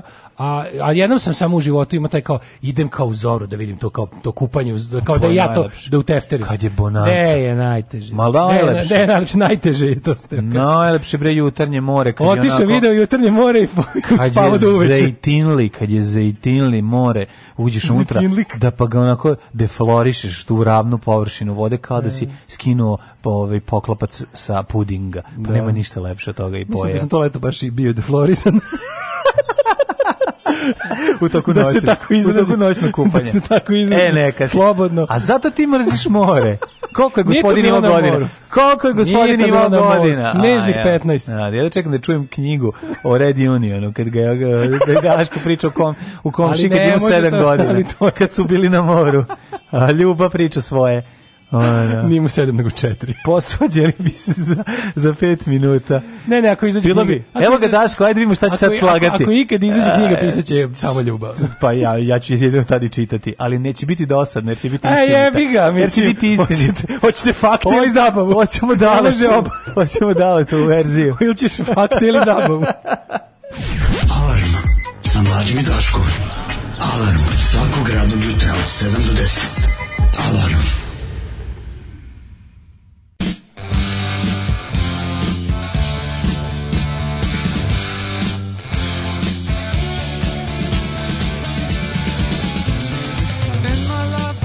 I've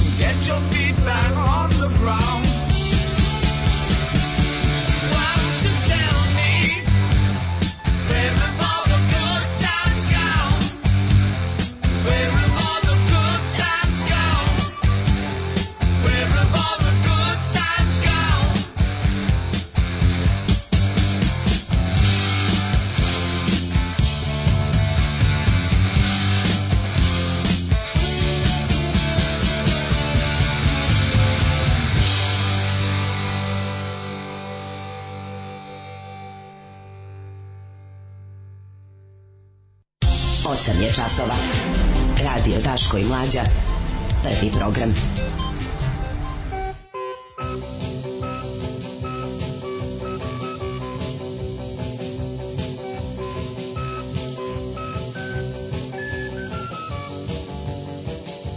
Digni regler, daj ti, pa mlade, sam. nemoj druže. Pa sad sam čekao, hoće da digne regler ti dam novine. Nemoj biti, nemoj me zahtevati od mene da budem čovek hobotnica. Hobotnica. Joj, kaže, ima, ima Borkovački bazen odličan, ima čak i onaj dublji deo za skokove. Iz, mo, iz mog iskustva tamo nikad gužva. A u tom dubljem delu sta, ima Ruma bazen kod Borkovca, ove godine ga nisu ni otvarali. Čuo sam da nije otvoren ni ovaj, onaj bre, Vrdnik nije bio otvoren, kako se zove ovaj bre.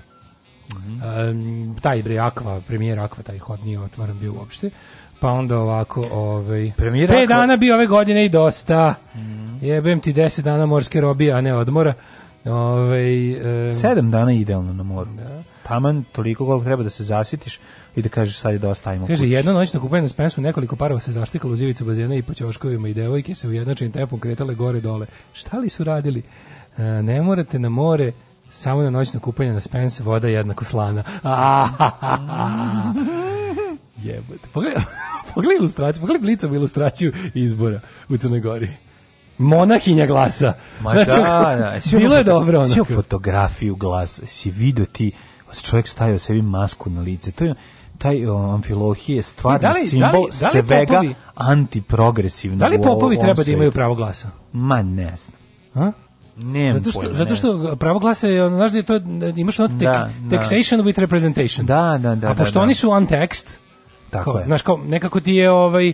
a, Znaš zašto ne bi trebalo? Znaš zašto ne bi trebalo? Da, jer ne plaća porez, Pa da, to pa što to, to, kažeš, taxation da, da. with representation. Tako e sad, pošto oni nisu tekst, Tako imaš je. varijantu, ono, mislim, sva građanska prava proizilaze iz dužnosti. Kurir nikako da nađe bolje fotografije Šolak, Šilasa i Đolaka. Šilasa i Đolaka. Šilas i Đolak. Da li si Znači, pročitao? Ja bih se ja bih se danas bavio dvema stvarima, a ve- verovatno ćemo stići samo jednom, a to je fucking Crna Gora, koju smo ono uprte su bile sve Din, oči- din, dogodin, din, din, Boga mi din din dogodin. din din sinoć mi je sinoć mi je Twitter line izgledala kao da su ih ono kao da su Marija i Anja pisale tekstove. Čak i normalni ljudi su bili ono u fazonu a svanulo je Crnoj Gori. Mhm. Čekajte prvo. Čekam polako drugovi što bi rekao Ljuba Tadić u Doktoru Mladenu.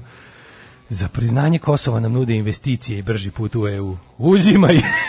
Mislim, Kosovo može da bude za, Ko- Kosovo može da bude nezavisno sa tim i može da bude nezavisno bez toga. Ne, ne. Ovaj e, pa ništa, ajmo, ajmo, ajmo mislim Crna Gora. Ajde, krenut ćemo Crna Gora, verovatno će biti dva uključenja. Crna Gora, ajde, da, dok vidimo, da izanaliziramo mi to. Ajmo, ajmo, ajmo. Pa ne ulazite bre u Evropu, nego u autobus polako. Alarm sa Mlađom i Daškom.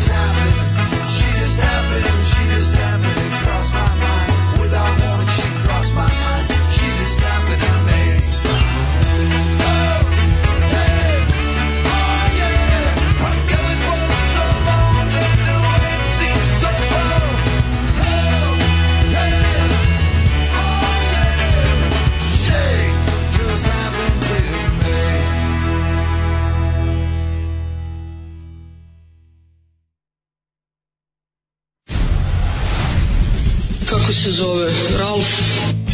Ajde, molim te, mladene, reci mi kako se čovjek zove, zaboravila sam. Me? Me? Ralf nešto. Ralf, uh, gospodina Ralfa iz Luksemburga. Alarm sa mlađom i Daškom.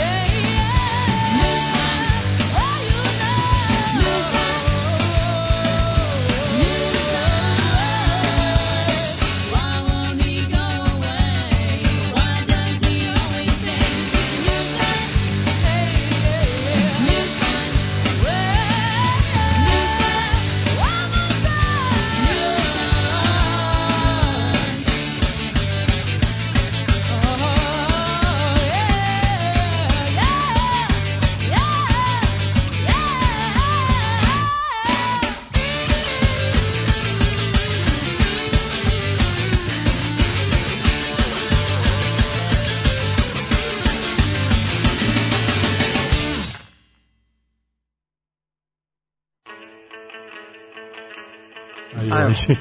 E, 8 i 40. Ovo su bili Dancehall Crashers Tako i je. Nuisance, pre toga smo slušali Mighty Mighty Bostons i She Just Happened, jedan ska punk blok ovako kvalitetan. Da. Što neko reče, ovaj incident konačno blok bez greške. Ali onaj lik Krivokapić što se zahvaljuje Vasiliju Ostroškom, pa nemojte me zajebavati, kaže Đole Šapca. Čujem vas ljudi, naš verni slušalac. Idem odmah da uplatim dve milje. Kaže, ovaj, kako je prijatno džingl, ne ulazite bre u Evropu nego autobus, hoće biti tog veselog autobusa u nekoj bliskoj budućnosti. A, valjda hoće. Svanulo je u Crnoj Gori, jedno toplo avgustovsko jutro u 19. veku. Nemoj da se Daško ljuti što im mlađe pravi bolju playlistu. Ovaj Hvala vam, dobri ljudi. Kaže, dobro, onda ovako, jednu noćnu kupa, uh, uh, uh, ne sklapa se neka poruka, pa mi se nešto pomešalo, ali uglavnom, ovaj, da vidimo Crnu Goru, ajde. Evo, šta ćemo drugo? Znači, Daško, ti Da spratio vječna malo Crna više. Gora, Ti ide si- ovako. Pa da, pratio sam meni kakva je duže. Maja? Kakva je Maja? Ja sam pratio duže. uh, uh, Maja iz... uh, Iz nečeg. Ce, Cemija. Iz Cemija, kako može, kako je bilo dobro, dobro manio što Kad, ćemo znači- kod, kad smo kod izbora u Crnoj Gori, ono što nas najviše zanima. Apsolutno podržavam, ali ovaj e, pa što je najsmešnije ti i CDT i CEMI su jedini za sada podaci. Jer e, kao što znam, ajmo ovako, ajmo redom. Prvo ovako, kao prvo je bilo ovako, pao Milo, pr- nije pao Milo. Nije Znači, pao Milo. Nije pao Milo nikako. Tako znači, je. evo zašto. Živi On Milo je predsjednik. Crne Gore, sledeći predsjednički izbori su 2023. 2023. Mhm. On je predsjednik 23, do 22. 20 do 23. faktički ima mandat. Mhm. Znači, on je predsjednik do 23. Nije pao. Tako je. S druge strane, Milo najbogatiji Niti- čovjek u Crnoj Gori nije pao. Treće strane... o, Niti postoji kao da bi, ja, u- da bi smenili predsjednika. Ja mislim da je potrebna ista, ista većina kao i za menjanje ustava. Dakle, not gonna happen. Sledeće. Izbori nisu, kao zvanični rezultati izbora nisu saopšteni. Uh, sve bukvalno visi o jednom glasu. Znači, trenutno ide situacija kada DPS sa svojim koalicijim partnerima vidu manjinskih partija i socijaldemokratama i socijaldemokratskom partijom ima 40, o- ima osam, parlament ima 80 Mhm. uh, 81 poslanika, tako? Bukvalno, znači, jedan poslanik... Ne, 80 poslanika. Jedan poslanički glas će Da, ovaj, 80 poslanika. prelomiti ko će formirati vladu. Sad su na 40-40. Mhm. Ovaj, I sad ono kao, ovaj, neko tu treba da... I Neko, sad Milo otvara šlajpik. Sad, mislim, na šta, pa to, to je pod jedan, znači on nije, Šlajpik. Pi- Sad Milo nije Milo gleda pao, u kojim je Milo nije pao, jer nije pao, zakonski nije pao, tamo predsjednik, pa da. nisu bili Da, da, predsjednički da, da. izbori, to je prvo. Drugo, kao, ovaj, nije pao zato što n- niti je izvesna ta skupštinska, već, mislim, bilo je ovakvih sličnih, nije bilo baš ovakvih, bilo je dosta tesnih ovaj, situacija u ovaj u, u kako se zove u istoriji crnogorskog eh, više stranačja koja se uvijek završavala pobjedom demokratske partije socijalista na ovaj ili onaj način. O čemu se radi? Radi se o tome da Milo može sad uraditi sledeće. Može da ne dopusti da mu zbog jednog mandata prvi put u istoriji pobegne skupštinska većina i da izvr- uv- izvrši neki od njegovih čuvenih siroliverskih trikova ili na kraju krajeva ono kao kako ti kažem ovaj radi se tu o nečemu drugom još A, oni koji su opozicija u ovom slučaju u Crnoj Gori su dosta velike koalicije, široke koalicije. Znači DPS je izašao sam na izbore. Dobro, ima ni neki liberali koji su manje više DPS. Mislim, to kao Vulin i, i Vučić, nisu, ne, ne postoje samostalno. DPS je jedna lista i nema govora, svi, ono kao, ne, ne može, bilo koja albanska partija neće ići uz četnike sa severa i demokratski front, znači to ne dolazi u obzir. Znači, oni imaju, svo, imaju ovo što imaju. E sad, imaš ove imaš o, u demokratskom frontu verovatno niko neće ovaj e, preletati jer to su hardcore četnici to je ono kao to su čusi te priče to su to je to je Pa to je- to je partija mitropolije Din, din, primorske dogodin, din, to je din, din din dogodin, to je da. partija to je to su kao njihov predsjednik partije Risto ono Mhm. ovaj amfilohije to je to tu nema ali imaju ovi drugi imaju ovi demokrate ima ovi kako se to- on je tvorac, naša on mir je tvorac naša nacija takozvanog slepog glasanja. da, mir je Da. naša nacija, tu imaš svega, tu ima i četnika, ima i nekih kao tu nešto raznih likova. E, onda imaš ovaj Ura.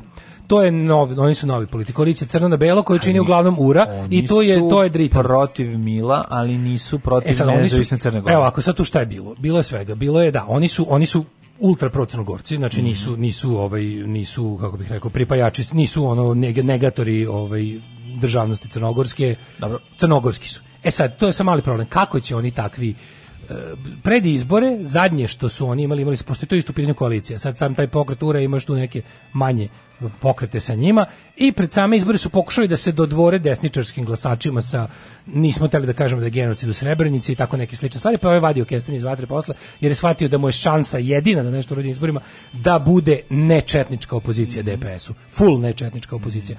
Ali se opet u, kad, su ga, nat- kad su ga novinari ono priterali da kaže šta će biti u slučaju da on bude tas na vagi, on je rekao da će se prikloniti četnicima i da je ovaj kako se zove da je mogu da je to sasvim moguće. Sad ja ne znam kako ja verujem da bi on to mogao da uradi. I da u ovoj konstelaciji sa tim sa koalicijom crno na belo e, četnici imaju 41. Ali je fora što ovaj ja ne vidim kako će Dritan Abazović i ljudi oko njega da recimo naš kao kako će to ajde, ok, može to se konstituiše. I mogu oni da donesu i vladu. I može to Milo i da dopusti bez da se pača.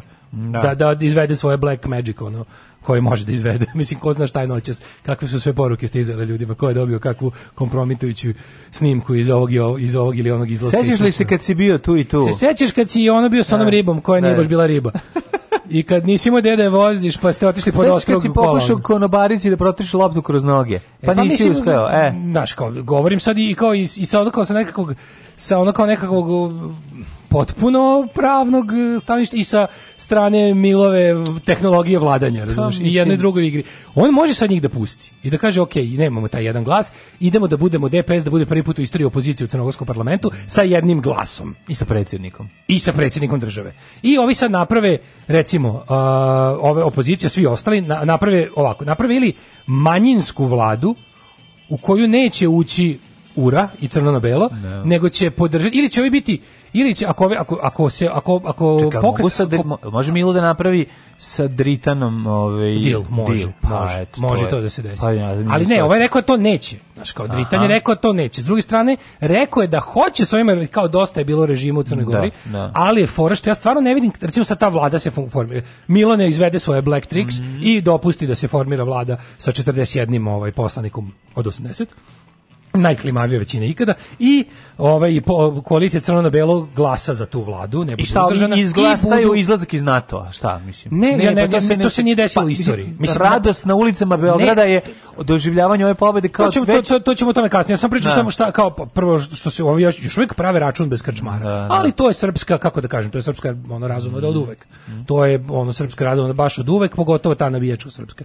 E, sad je fora što on se recimo to se pusti da, i, i ovi budu DPS bude prvi put u istoriji opozicije. Imaš vladu sa većinom od jednog čoveka samo, u kojoj sede jel četiri čoveka koja su presudna i sa ti e, o, znači Ura, Dritan i ekipa, oni su, on je bio glavni promoter NATO-a. Znači, on je bio glavni, on je stvarno, taj- mislim, za tog čoveka ne može reći da je na bilo koji način ono četnik affiliated, on je albanac iz Crne Gore, i sad, zato će to sve da bude jako interesantno, kako će to da funkcioniše. Milo može čak i jako dobro da poentira, tako što će da sad se ne meša, znaš kao ništa da pusti da sve bude kako bude i da ako je, ako je fair and square ovi dobiju tu većinu i sastave se, ovaj ide u opoziciju sa, sa naj, ono, jačom opozicijom u istoriji od 40 ovih kako se zove od 39 stvari 39 na 41 ide u ide u opoziciju i pusti ove da kao formiraju vladu. Šta kako će ta vlada doneti jednu političku odluku nije mi jasno. Mislim to je to je kako će Dritan i i Vojvoda Mandić da se obi- bilo oko čega dogovore. Ovaj kaže ukinite ne znam Vlada odlučuje da ukine ne znam nešto crnogorsko, da ukine neku odluku o jeziku ili simbol ili ili nešto tako, ovi kažu jebi ga mi nismo zbog toga ovde, mi smo baš naprotiv, mi smatramo da nas je režim Mila Đukanovića korupcijom i zarobljenom državom udaljavao od Evropske unije. Ovi kažu, pa jebi ga, mi smo voleli njegovo udaljavanje od Evropske unije i tako, mislim, ovo može bukvalno da ih sad pusti da ovi bukvalno naprave, eto, šest meseci političkog, ovaj, kako bih rekao, nekakvog ono zastoja u Crnoj Gori i da se raspišu novi parlamentarni izbori na kojima će DPS pobediti. Ili još gore, e, po, mislim, po, kako se zove, po ove, po o, DF, Anđemani će gore po njih e, varijantu da još više ojača e, ura Da. I da onda ali onda da se nađu na drugim osnovama jer eto pazi dokazali smo da je Crna Gora ipak demokratska i da je vlast smenjiva sad opet možemo da nađemo način da radimo sa demokratskom partijom socijalista u cilju jebi ga videli smo ono kao opasnost zlepljenja za Srbiju i približavanje Rusije kod ovih pa kao bla bla bla tako da to su to su ono opcije Svakog prokletog radnog jutra. Nema crnje generacije od vas. Vi ste debili klasični. Alarm sa mlađom i Daškom. Alarm.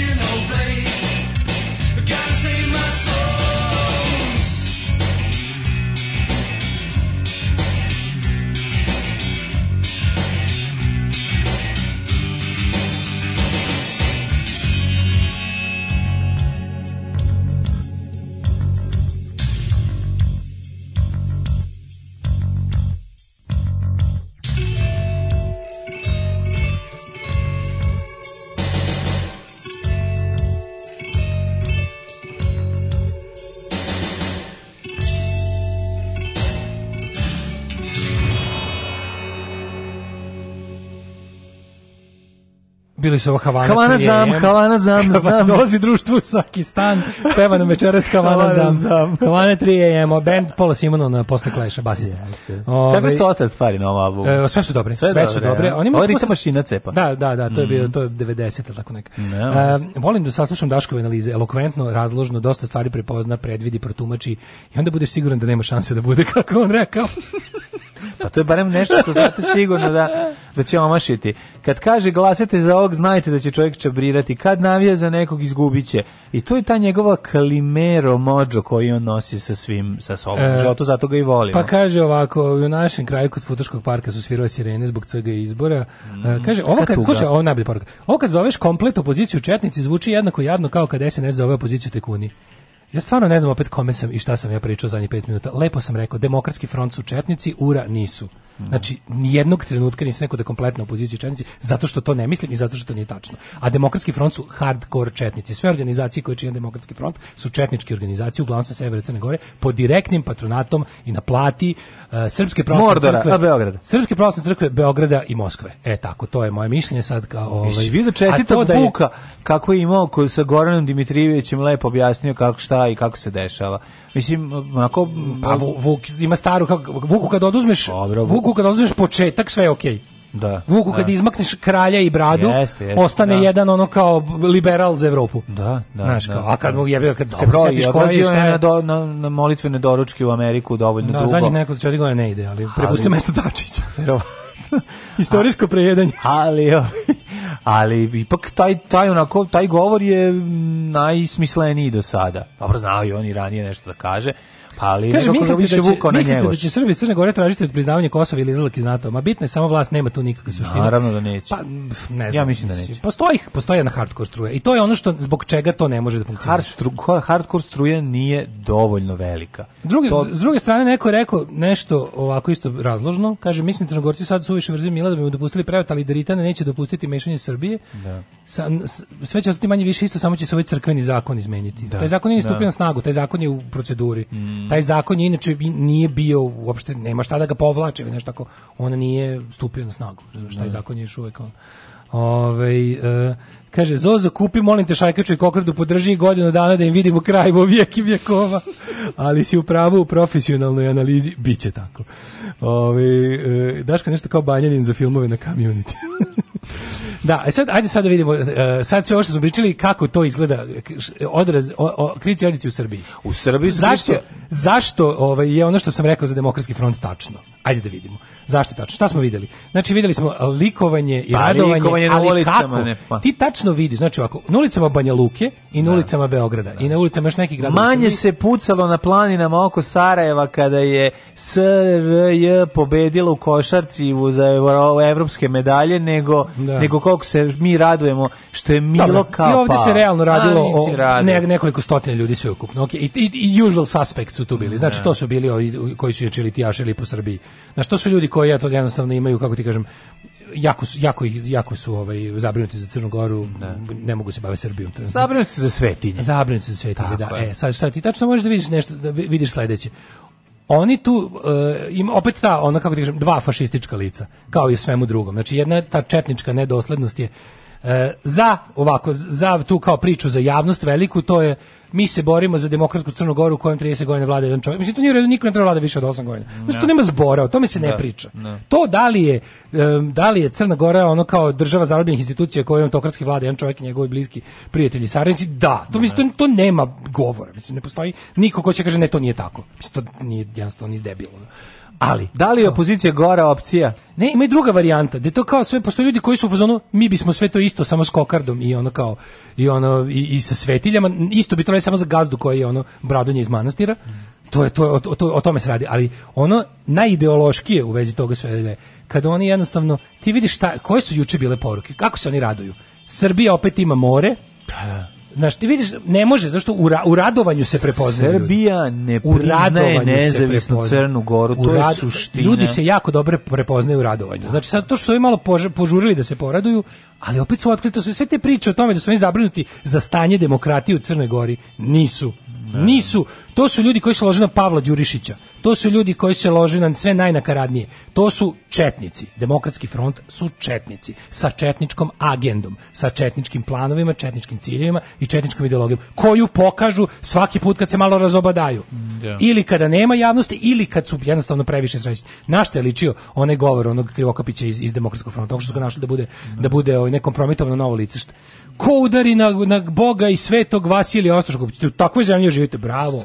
Super ste zamenili. Ono. Ali ono kao varijanta, to ko udari na... znaš, Slušaš šta je ono taj tamjanđijski govor. A njihovi, znači, epigoni u Srbiji su isto varijanta, oni kao, znaš, ko oni veruju, sad su oni tu u malom problemu. Znaš, oni su tu u malom problemu jer to su ljudi koji su u fazonu to kao Crna Gora je Srbija, pa ih malo zbunjuje dobar odnos Vučića i Mila, pa ih onda malo zbunjuje što Vučić i Milo su poslovni saradnici, a s druge strane je jako veliki problem što falange Vučićevih batinaša su glavni litijaši i onda kao wow, to je dupli krug mindfucka. Pa ne idu ni tako daleko, to tebe više pravi problem. Njima, njima ne doseže tako, tako daleko problem. Oni će na jednostavno na jedan mig Pa da. na poziv doći da se da, da upale svoj socko automobil i da se voze da prave gužvu ono u Beogradu koji je ovako već zapušen zato što će ovaj praviti automotolitije. Ne ne, ne razmišljaju ni baš toliko daleko. Pa Pa znam, da, je ne- tebi ne, problem. ne tome. razmišljaju, pa naravno, da ih služi da mi izludimo. Da, da razmišlja, ono, nešto, pomislio bi, da od pomislio bi da nešto nije u redu u, u, u, u, jel, da, u tom sistemu da od vrednosti u njegovoj tehnika, glavi. da od stvari prilike da nama svima ono otpadne teme od razmišljanja njihovih Da. gluposti. Ali znaš što meni uvek bilo potpuno fenomenalno? Pazi, Da, to su ljudi... Čekaj, naši od, ekipa ovde doživljava Milov pad. um, st- Čekaj, bre, koji pad? Stani. Čekaj, Da. oni Pogledaš, a pišu u novinama, Da, da, da, da, da, da, da. Nemoj sad ono da, Da, da, se dogovorimo, da, da, da. pričamo kroz medije naše. da, da. Ne pričamo ti i ja šta ko Da, da, da, misli. da, da. Stani. Dakle, ovi, ono što smo videli jeste da se ovde Milo je pao, gotov je, nema ga više, Srbija i Crna Gora, dva oka u jednoj glavi, e, mi smo najbolji, najjači na svetu, ponovo smo pobedili, po- ponovo će Srbija ići besplatno na more i ono da. dobijati toplo pivo i tako dalje. Znači, ono sve kao... Ležaljki, neće nas više genocidisati Sve se kao vraća u neku zamišljenu ono Srp- srp- 2000 srpsku idealnu drugu onom godinu. Da. Da. Tako eto to je ono što što kako naši ljudi doživljavaju ovo.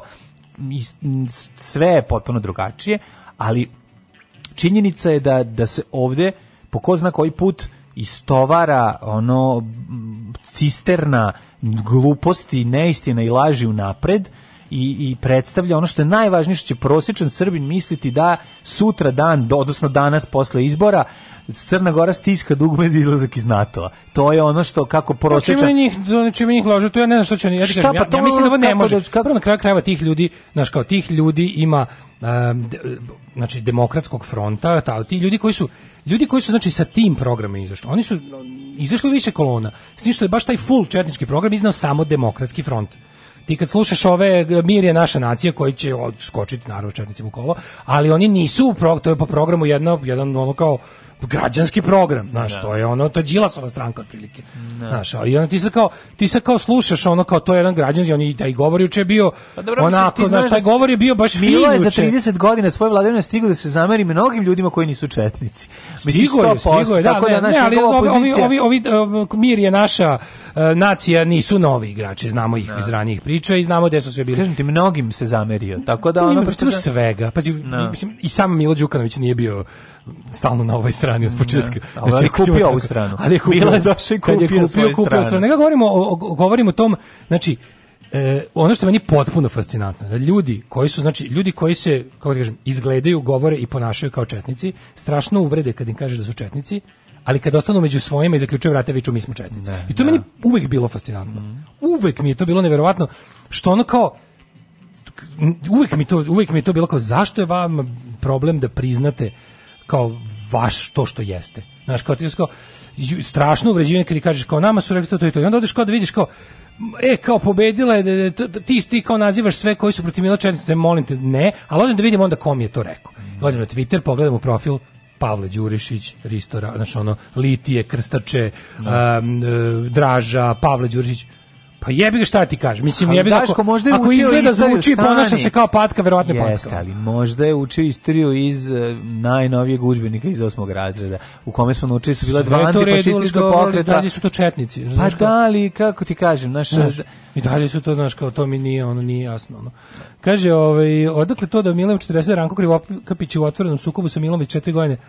Da, Ranko Krivokapić govori o lideru socijaldemokratske partije. Jeste, ali ne toliko. Ranko Krivokapić je, SDP je još e, ekstremniji u, u, kako bih rekao, u crnogorskom suverenizmu od DPS-a. Tako da, te, da, da do takvih stvari SDP nema šanse da će ovaj, da se koliko godin bila ono jak animozitet i mržnja Krivokapića i, i raspička između njih dvojice ovaj je ipak ovaj je ipak bar toliko ono za ovu stvar za, zagrizu.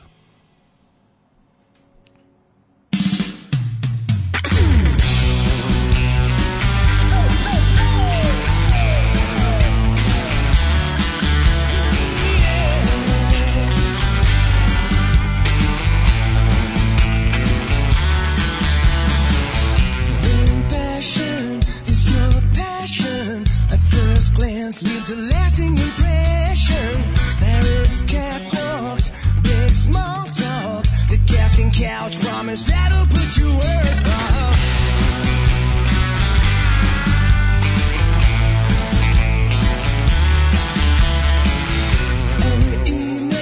London's receiving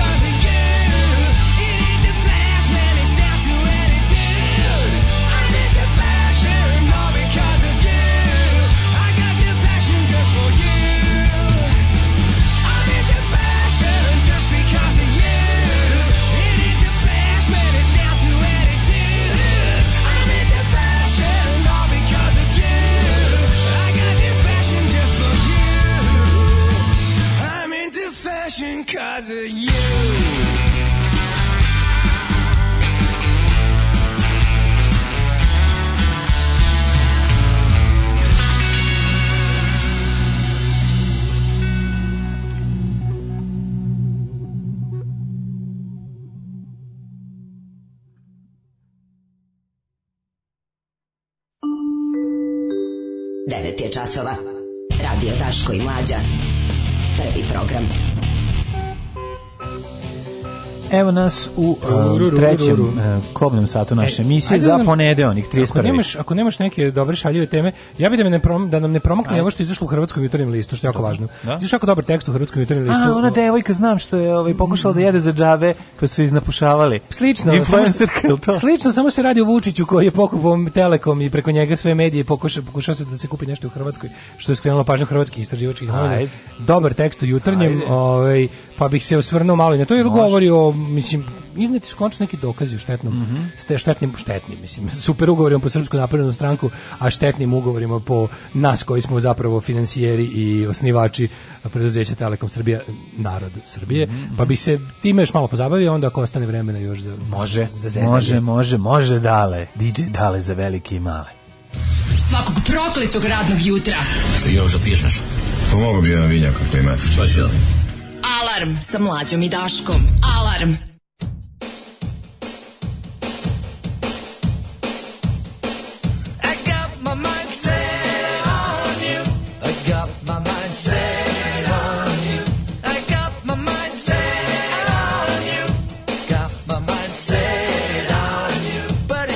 I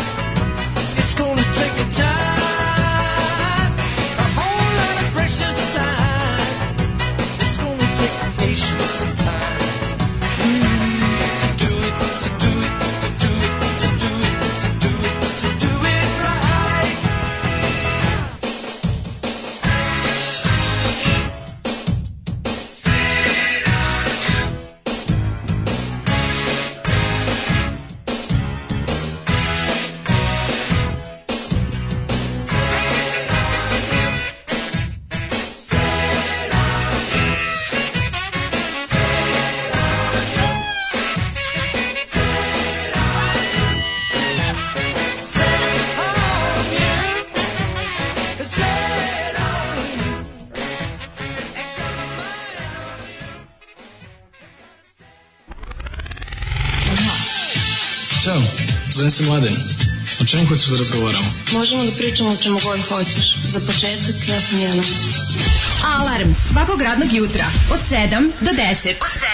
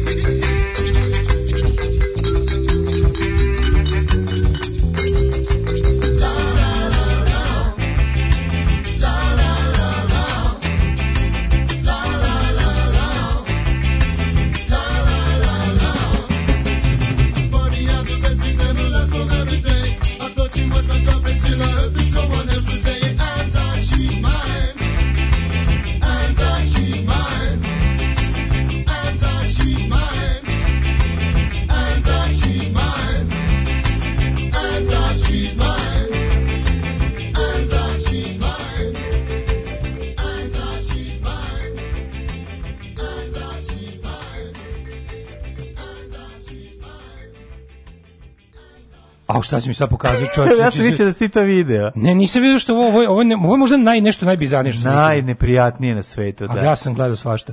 Ju, Da. sad bih došao o tome da pričamo, ali... devojku iz, ove, iz Hrvatska. Pre toga, samo čekaj sam da- tad- da- samo da kažem kratko, devojka koja Pa je... vratit ćemo se na to, mislim. koja je, ovaj, vredna, da, vredna je da. tema, meni je ovo Da, da, potpuno, da. meni je ovo, meni je Pa ovo, da. meni ovo najveći šok. Znači, Pa sam potpuno jeste, šokiran. jako neprijatno. A, kako je Vučić novcem Telekoma Srbije kupio kritičare i pouzdanicima dao i dio medija u Hrvatskoj, piše Mhm, jutarnji a, hrvatski list. A, Boga mi jedan veliki istraživački tekst na temu onog što... Afere koje bi Pričali smo seriji novina, ajde ako napravimo uvod. Pričali smo seriji novina o tome kako su neki zapadni uh, gledaoci serije koji su gledali na Netflixu rekli jako je dobro, sviđa im se, super je, egzotično im je, ali malo ga preteraše sa kao sa, sa sa time šta su sve dometi organizuju kriminale, kao tipa koliko beskrupulozni političari mogu biti. Kao to ipak nije baš moguće i to, to je taj deo gde oni vide jasnu fikciju i, i, i onda kao vidiš da, da kao da taj, da- ti vidiš da autori serije nisu mnogo izmišljali u, u odnosu na hrvatsku postojeću, a onda pogledaš Srbiju. Pa to je sad ovo što pojačalo, taj Ja- isti znaš da- ja mislim da sada čak i hrvatski čitalac naviknut na nivo korupcije Hrvatske koji je verovatno najviše u Evropskoj uniji, zato što su oni u Evropskoj uniji. Ovaj, Pa da ne je može da veruje da je najviše, ne, ja da. mislim da da da Bugarska je u pravu si. Ja sam Bugarska je korumpirana. Mislim, ali to sad nema si, veze, to je si. pro- Ali ja pričam o da. tome, o tome šta, šta je s nama koji smo ostali s druge strane ograde. Da. Znači ja mislim da već sad jedan kao kad ti kažem hrvatski čitalac današnjeg broja jutarnjeg koji eto već malo se prešao malo da ima evropske probleme, jebi ga u Da, zadnjih da, pet da, godina, malo da. se malo se što se kaže profinio se, nemamo više zajedničke probleme. Uh, I ako ih imamo nisu istog intenziteta. Mhm. Znaš, kao možda bojicu bojicu boli zub, ali jednog otkida da ne može spava, nekog bolucka na ladno. Aj, baš sad nešto mu stigne ovaj, poštom, pa... Ovaj, Znaš, naučio. jednostavno kao i jedni Da. drugi imamo problema s korupcijom, samo što eto naša je baš zubobolje od koje otpadne pola glave, a ovog drugog boli na ladno ono, Mm, kad pije. E, ovaj promenili su se problemi. E sad oni kad čitaju o tome šta je uradio predsjednik Srbije sa svojim bratom i šta oni rade preko koje to koje to banditarije i mafijašluk to kup, to kupovanje kurira akvizicije od strane Telekoma Srbije, preduzeće Wireless Media, Igor Žeželj, društvo i ekipa, koje su to bedne fore i na koju zapravo koliko je to niško i koliko je to jedna ono prava Kad je prava, Žeželj to sve ona- i da napravi most i da ovo uradi. Pa, e, pa napravio je most tako što je ono se izvio na leđima. Ono. Ali je ovaj znaš kao to pravljenje tih tih štetnih ugovora, pazi, jedna firma koja mislim ajde da samo otprilike kaže ovako. E, Vučić, mediji, sumnjivi ugovori, stotine miliona evra, medijski tajkuni, nogomet, borba za političku prevlast, sumnje u crne fondove, izvlačenje novaca iz državne firme. Svi ti sastojci povezali su ovaj e, tjedan u Srbiju, eksplozivni politički koktel, čiji se odjeci potencijalno osjećaju u Hrvatskoj i za detonaciju je dovoljno jedna iskra dokument od 15 stranica. Mhm. Evo o čemu se radi. Ugovor koji se ovaj tjedan pojavio u srpskom javnom prostoru, jedna od najvećih afera u istoriji Srbije, Ovaj, e, Marinika- Telekom Srbije, Da. kompaniju u državnom vlasništvu koje finansiraju građani Srbije, našla se Marinik- pod optužbom. Marinika je iznela taj... Da. taj I boga mi izgleda da se radi o autentičnom dokumentu da je to ono par excellence štetni ugovor koji je neko ono napravio u cilju pod jedan pretvaranje državnog vlasništva u privatno i pod dva stavljanje pod kontrolu kompletne medijske scene i gušenja bilo kakve. Znači on- oni su tim novcem kupovali sve lokalne medije, prvo su njih zavrnuli, ugušili, a zatim jednostavno ne postoji više ni jedna ni jedna dnevna, ni jedne dnevne novine ovaj u Srbiji koje nisu pod direktnom kontrolom SNS osim, Osim danas. danas. Osim danasa koji ima tiraž 3000 komada.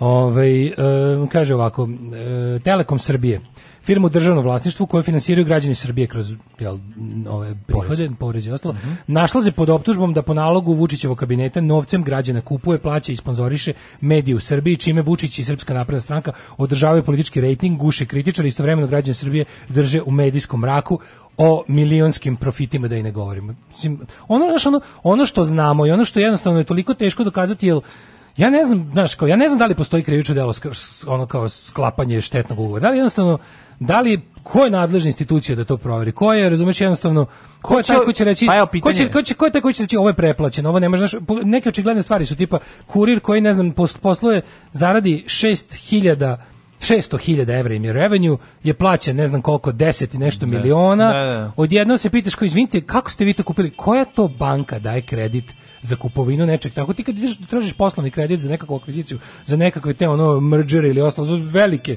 poslovne stvari, da je banka ono ga- jamac za ne znam kakve ono Znaš kao, zadužuješ se nenormalno kod banke da izvršiš neku ogromnu transakciju, akviziciju nečeg ogromnog. To, mislim, postoje granice u kojima će ti biti, znaš, kao možeš da kažeš ja imam toliko i toliko, a fali mi određeni procent.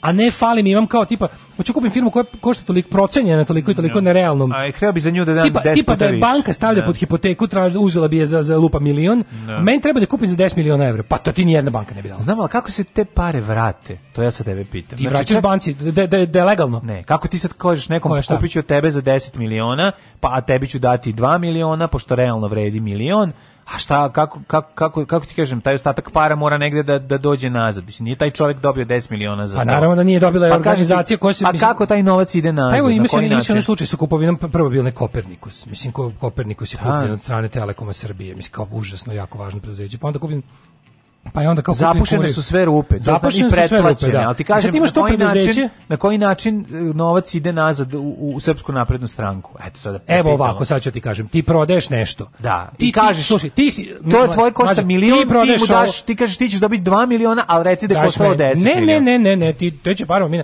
te ćemo mi pare dati tebi, to su narodne pare. Tako je. To je lepota svega, da ti objasnim. Ti se prodaš ovu čašu meni, a ti si član moje stranke. Znam, ali ti moraš da proknjižiš ti te pare nazad. A zaslušaj. Znači ti prodaješ ovu čašu Da. i kažeš ova čaša košta milion evra.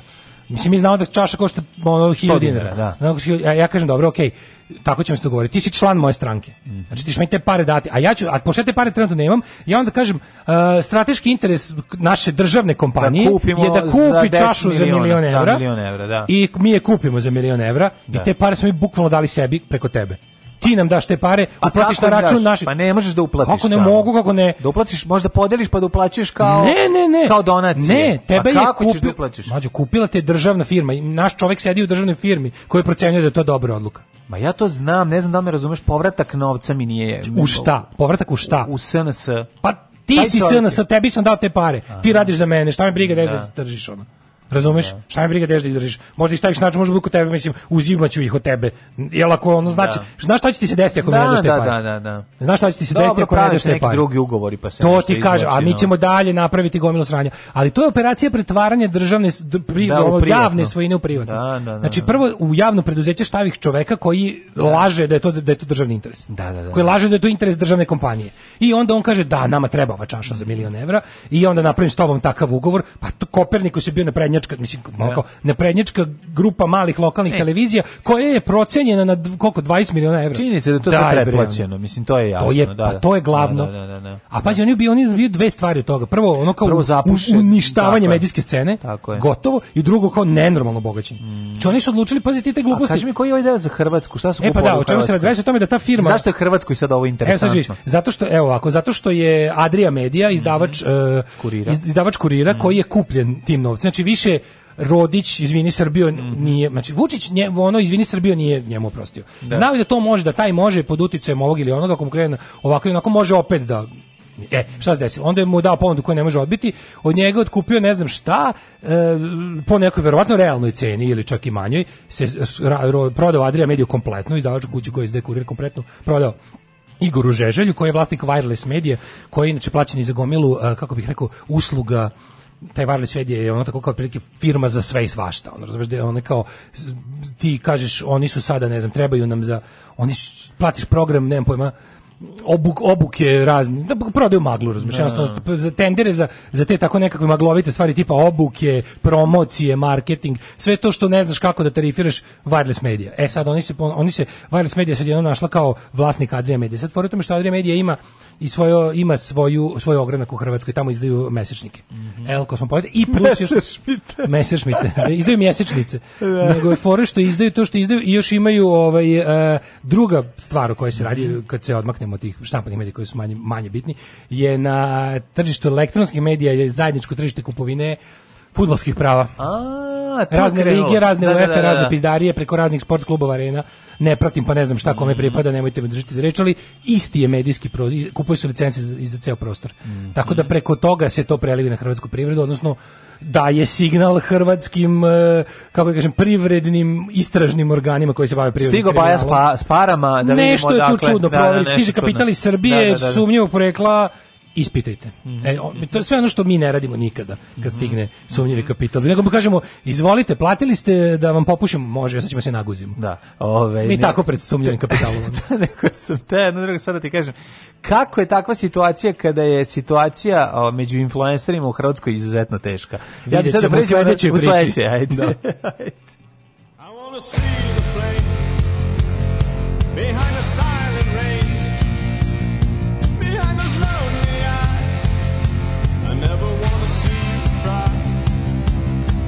don't you run,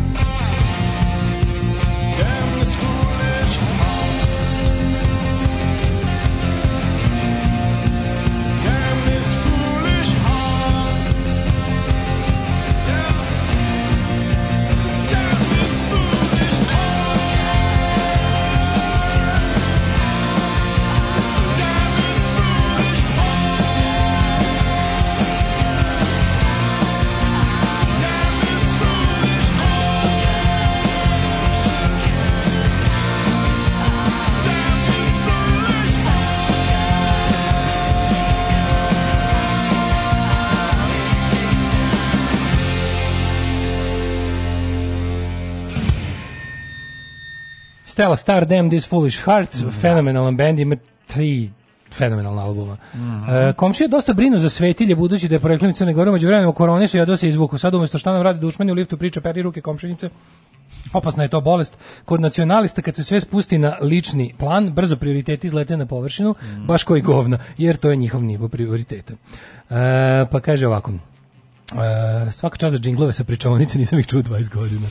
Bio sam u pošti na naselju po neki paket da pozdravim lepo plavu tetu od 40 plus sa ovaj, bujnim popusima. E sad znam da će Daško ići danas da odnese ove... Ja sam veran moje teti kod sajmišta. Mhm. Uh, pa kaže ovako, ovaj, ljudi sad sam shvatio, Zoli se pojavljaju reklame za pričovnicu. Kad si- Jel on nešto kaže, za mene je rock and roll način života. Tako je. To je zubati Isus, ja mislim. Nije. Nije da zubati? Ne, neki drugi. A liči dosta njega. Pa kakvi liči, više liči Kaže, na punišu. jel se slavi, jebote koliko smo šizofren narod, slavi se, po znacima navoda, pad susednog diktatora, Da. a kad treba ovaj šupak ovdje se ruši ništa. Lepo juče nekom Twitteru rekao, kad vidim ko je sve protiv Mila, u fazonu sam, nek vlada još. Ove, čiji su sad kavljari iz kljanč, kljačkani? Ne Oni su uvek isti, evi ga, za Da, njih se da, igra da. ne menja. Apsolutno nikada. Igor Žeželj svoje vremena, ako dobro pamtim, mislim da u KK Crvena zvezda bio pitomac Žike Pauka, odnosno Gorana Vesića. A bio je pitomac Čede Jovanović. Igor Žeželj je bio jedan od tih, e, za vreme Milošića bio jedan od lidera studentskog protesta i pokreta. Tako je. pa se posle našao blizak e, Čedi Jovanoviću i njegovom krilu DS-a, pa kad je ovaj izletao i formirao bio tu, tako A da... završit će na kraju kao Vojvoda Žeželj. A, kreativni industrijalac u prevodu. Znači nije e, staroradikal, jer Mm. jednostavno radikali ne osnivaju IT kompanije. radikali ne osnivaju IT, znači nije nije iz stare škole Srpske napredne stranke, nije došao. Čekaj, on je kupljen oni zajedno plavi grafiti Vojvoda če, e, v- Srbija čeka Žeželja. Nije on to, pisao. To nije za Ne, njega. nije. Dobro, izvinjam se. Tako da je ovaj kreativni industrijalac, znači najljigavije, najljigaviji deo SNS-a. Postoji A ne, ovaj tako, mislim, ja od kad sam malo više ovladao kompjuterima. SNS se deli na masni, to su ovi baš Nemoj na tako masni nama ljigavi. govoriti o kreativnim industrijalcima, ja sad koji sam ovladao malo više kompjutera, uspeo sam čak i da se povežem sa svojim prijateljima na Discogs i da ove i da tako pri tako da se malo doživljam sebe više kao kompjuterskim stručnjakom i kreativnim industrijalcem tako da nemoj vređati sve nas kad govoriš da smo svi mi četnici to Ne, nije ne, ne, lepo ti si ne, ti si digitalno sto- nomadsko stočar. tako da, Nemoj da, tako, ja ovaj- sam sad malo ono, ja koji Ne, ne, sad znam šta znači ono wow, u bateriji, mogu ipak da ti kažem da sam, da sam ovo, malo sam se našao uvređenim, Ne, ne, pogotovo ne, što ne, ne, je našim ja prijateljima, a, digitalnim nomadima, Ne, stočarima ne, nemojte me pogrešno shvatiti kolega. i, ovaj, i, i Daško influencerima dosta teško u Hrvatskoj. Da, to nemoj to razdvajati. Tema ko, koju svakako moramo danas da Zato kažem, pričamo. što ti pročitam da te, odmah, ono što sam ti, do, kad sam ti čitao, ono kad ti rekao, samo jednu poruku, ti pročitam, da odmah da te betoniram. Pa, ok, ne treba me betoniraš da mi kažeš Moja samo. ćerka od 12 godina kaže u vezi hrvatske influencerke da smo mi glupi što je ismevamo i roće da jede za džabe. Je. E, sad, da, Da. da, sa, tim, sa tim znanjem reci šta si. Pa ima šta da kažem. Znači, hrvatska influencerka, pogledajte na, na Twitteru, pogledajte na, na društvenim mrežama, Znači, bacite slatko pa kako se zavatite. termin influencer stvarno sad baš široko koristi. Pa jeste. Sad mislim, stvarno, ja, ovo je- ja, ja sam gledao, mislim, ljudi koji imaju manje pratilaca od mene, koji se stvarno ne trudim da imam puno pratilaca, se zove influencerima. Pa naravno. Što je stvarno, ja, rad- ja pričam šta, ti što šta influ- pričam, šta pričam, pa izvini. ško, kome se Ti sviđa. si influencer, tako da nemoj zajebavati. Pa to što ne, si ali ti bi trebalo, ali bi trebalo, ne, pošto ne bavim influencer lukom, lažem, jednom sam dobio ovaj ti sladoled.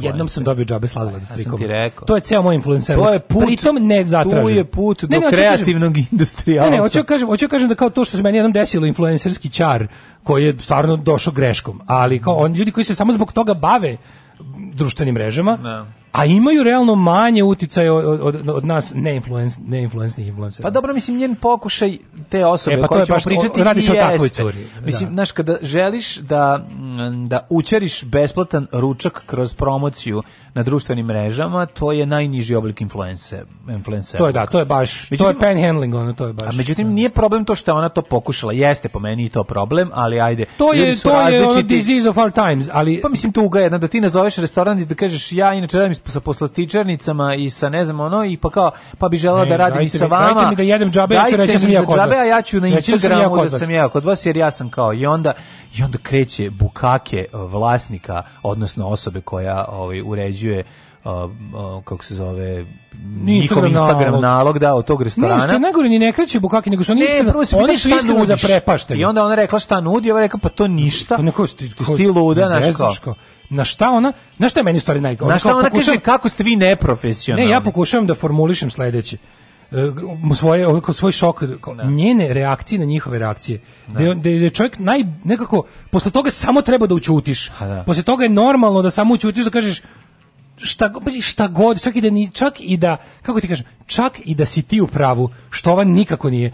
Posle tako nekako, takvog treba samo jednostavno da kažeš dobro u redu, ćao. Ne, nego si ti, izu, ti si povređen što oni nisu prepoznali tvoju veličinu. I onda kreće Mislim, to ludilo. je idiot, Ali mislim, ona je stvarno ono, to idiot. nije Kao, kao neko ko nije, ništa nije normalno. A meni, znaš, kao, znaš šta mi čudno, kao kad slušaš taj, taj, taj dalmatinski. Pa čekaj, ajde prebacimo, to, ne, ne, stani, ajde da mi prebacimo, ajde da prebacimo čudno. ovu priču Da. na jedan drugi nivo, kako bi to izgledalo. To bi izgledalo tako kao da ja sad recimo želim da sarađujem sa nekom velikom firmom poznatom i ja sad kao neki mali čovjek dođem kod njih i kažem, ej, dobar dan, dajte, oh, želim da napravim sastanak sa vašim direktorom, imam super plan da mu ponudim, ovako sekretarica kaže, prvo kaže, pa direktor nije tu, onda ti kažeš dolazi, pa dobro, ja ću ga sačekati, pa nemojte ga čekati, neće se vratiti. Pa dobro, mislim, ja bih ipak, jer ovaj, pa direktor jednostavno ne želi da posluje s vama, mi smo drugačije i to ne zanima, onda ja kažem, ma, Znaš šta, taj tvoj direktor što jebe koze i sranje mu je sve to. Znaš, on to, Ali to nije čak ni tako Jeste, tako. Ne, ona je na kraju rekla meni- ne, da im je steak loš. Mislim, to taj kraj, poslije to šta je- poentiranje njeno kao gde će ona... Ja da- nisam stigao do kraja, ja sam, ja sam Pa samo, mislim, da ono što mi pokazao, suština. ono što si mi pokazao, meni je suština bila u tome da ja ne mogu da verujem da neko čita tekst I da ne razume čekaj, da neko čita to či, da neko čita nešto to što čita ga bukvalno uništava ono kao to to što su oni napisali stvarno da. kao jednostavno ono sve su ti rekli ženo Transfer Šta- blama do beskraja ti ne to je razumeš. bukvalno kao, pa da. kao ja, i slušaš te onda, Da. a kao ja pričam priču koju sam ja ispao faca. Pa da. Znači, i legnem ja da spavam, i ja zaspim čoveče, i provodim si lik mi trlje kitom u nos, ono, Da. i ja, e, a ja nastavim da spavam, on budala trlje i dalje, trlja, da, da, i da. dođe i drugi lik i krene da mi spršava po faci, i ja ono čoveče, znaš što sam radio? Da, da. Ja ono, a ja, Ja ono- okrenuo na drugu stranu i natrčio a ja okrenuo drugi Ajde da vidim kako ćeš u dupe. A ja sve vreme spavam. Kako će da te boli? Ja sve vreme spavam, oni prskaju pa oni, oni ne, ja se ono budim sam isprskani, mislim se. ah, E, i posle još čoveče, slušaj, i ja ustao onako kao gledam, i još kao, čekaj, hteli još i da me prebiju. I ja Da. onako i ovi, i krenuo da me biju, i ja im nalećem još facom na pesnice, ono tako i je, tako. tako je. E, meni je ovo tako bilo. Jeste, Bukvalno jeste, čitao ljudi slušajte, i slušajte što su oni meni rekli. Da, da. I onda ono, a ono kao rekli su ti sve šta treba i još ono kao prestani ženo. Ne, rekli su ti lepu stvar, nema besplatnog ručka. Znači, ono, rekli su ti lepo. ali nisam ni stigao do dobre namere, njihova stigao do toga da Pa koliko su oni bili namera. iskreno šokirani njenom njenom ponudom kao tipa, Ali- dajte mi da jedem džabe, ja ću reći da sam Da, ja. Oni su i rekli, sad čekaj. Ne, to tako ne radi, ona i onda ona šokirana što to tako ne Pa radi. da, pa da. Onako, bože, u kom ovi vijeku žive kad ne znaju da je čas da im ja, znaš, i onda kao, i slušajte što su mi da, bože, što su mi dalje Ali rekli, kad- a rekli ti sve super, ono, Čekaj, ali šta je tužnije nego kad ti zoveš da jedeš za džabe? Pa mislim, koliko je tužno? Pa valjda, pa valjda se to radi obrnuto. Ne znam, jer mi, mi smo mi ljudi iz 19. veka, ja ne znam, smo mi ono... Pa ne, ali kada ti vidiš, ja ti samo kažem da postoji jedan taj mali problem Mislim, koji je... Ne, ima jedan problem. Ta devojka ima odstranjen osjećaj za sramotu. Znači, to je prvo i osnovna stvar. Ne, ona ima Beskru- prvenstveno ostranjen ona osjećaj je- za stvarnost. Odatle, odatle proizilazi to da ona ne osjeća sramotu. Njen osnovni problem je što ona i to potpuno odsustvo ideje kako funkcioniše svet. Znaš, ili, ili, ja, ja, pazi, ja opet ostavljam Ili mogućnost, mi ja opet ostavljam pa to, mogućnost da ne razumemo mi ne novi razumemo svet. kako funkcioniše Pa svet. zato ti kažem, Ali jer da- ona, ali ona sarađuje, možda, je- ne, možda je ovo prvi put da veći zalogaj. Ona je pre toga sarađivala sa noktarnicama, noktar, da, da. sa ono burekđinicama. I sad je htjela da jede jastoga, E, sad je jebote. trebala jastog groba njenog i za šta se ispostavilo da je ono... Fora je što moguće da nas kao moguće da mi ne razumemo da to novi ali, ali taj ne može da svet tako ne može da Dobro, funkcioniše. ja sam jednu drugu stvar. Svet ne može da ja funkcioniše na, na beskonačnom promovisanju. mislio da to funkcioniše tako na osnovu velikog broja pratilaca tebe zove komitent. Ću da pokažem. Izvini, Pa da, samo da te da, pitam. da, da. Mislim, ovo je, kako Trebalo bi bi da je rekao, tako. ovo je nešto, ovo je Tako je. naopako. Pa to su njoj rekli. Rekli su kao prilike, ajde nam se zvala Madonna ili šta je na, na, ili naveli su tamo neki tri A osobe. Madonna neće zvati, ti ćeš zvati Madonu. Kažem, to da, je isto. Ne, da nam je ova ponuda stigla na bilo Da, koji da, da, da, smo da. ovu ponudu na bilo koji način Pa da. imali s Madonom, da li mi Da, njoj ili da. ona nama, ali ono kao u fazonu kao iskreno smo zaprepašteni tvojom tvojom tvojom zabludom o sopstvenoj veličini Da, da. Ajde, i ostalo. to prvo nego nerazumevanje kad te neko odjebava. Ne, Kad te neko, kad te Znaš. neko bukvalno kaže sve što treba ti kaže, ti ga ti njega prikazuješ kao budala. I znaš šta mi onda rekao lekar? Kaže meni budala kao ona, treba bi da ono prestaneš da pušiš. I on meni kaže da Da. prestanem da pušim i da, i da jedem normalno i da ne prestanem da pijem farbu. Vezano za takav karakter osobe. Ti, takvi ljudi vrlo često postignu dobiju više koristi u životu zbog tog Pa potpuno pa dobro čekaj pričamo samo znači da zbog tog totalnog ono ne Odsustva, odsustva da, osjećaja da, za da, stvarnost i, i, i, i o- ono o- Da, osjećaja da. za blam koji hirurški I to se zove, i to se odstranjen i zove ona ose- sense of entitlement. Ona misli da, nešto pripada. Pa ona, I ona jako puno može da dobije u životu dobra, zato što će igrati na, na osjećaj sramote drugih ljudi, koji će reći, evo ti, samo se skloni. Kod nje imaš malo i prave imaš i to. socio, sociopatije, čini mi se. Naravno da ima, a sad mene, Mislim, on stvarno ne razume ono što kako- mene brine jeste da li je to moje naše ne- nerazumevanje sledećih generacija, kojima će to biti sasvim normalna Pa stvar. meni je jezivo kad neko to brani. Zašto prvo svet tako ne može funkcioniše, mislim kao ekonomija Pa koja bi funkcionisala na da. međusobnom promovisanju bi propala. Jednostavno razumeš kao ako bismo mi Da, da. kao ekonomija Jer pro- ne bi bilo ko da skuva ručak. Pa recimo kao tipa samo vi sad nas umesto da, nam da, Sad ću ja da pojedem tvoje promovisanje. Pa ne, nego ja pričam nešto i sad umesto da nam vi kao uplatite Patreon, vi pričate drugim kako nas slušate. I onda svi nas tako slušaju, a, pa- a, a odem u prodavnicu i kažem dobar dan. E, da li mogu da vam umesto sad kad kupujem ove namirnice kažem da mene sluša jako puno ljudi. Ne Kako kažem, kaže, pa niste Madonna. Nažalost ne. Niste I onda, Madonna. i onda i onda ja budem taj devojka kažem koja budala ladno sam ostavio sve te stvari koje sam donao u korpi sam ostavio na kasi izašao praznih ruku jer glupača jebote ne zna da mene sluša puno ljudi i da ljudi umjesto da mi za to neke pare calnu mi samo govore da sam car. Ajmo jet set. Ajmo.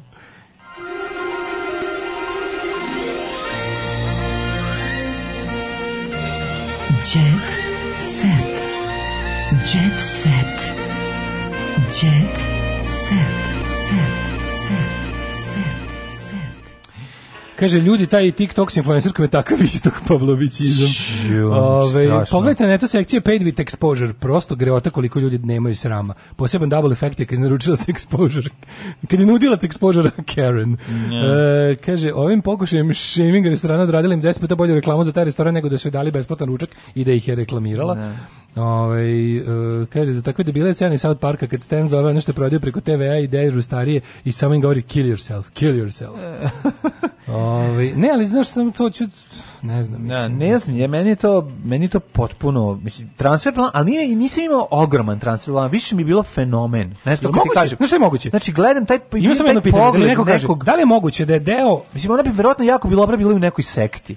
Razumeš šta hoću ti kažem? Da, da, da, mi- smeh i oga je malo. Ima mi taj smeh i oga Smeh i oga, pogled, da, znaš, nije ono... radi potpuno suludu, nelogičnu stvari, potpuno ubeđen u njenu ispravnost. Ubeđena, da, da, da, da, da. I zamislite, molim vas, ona svoj bebi ne da da pije otrov. Da, da, da. Si si kretenku koja ne da bebi da pije otrov. Pa mislim, hello, ko vam radi PR? Daško. Mislim, šta je ovo? Rat.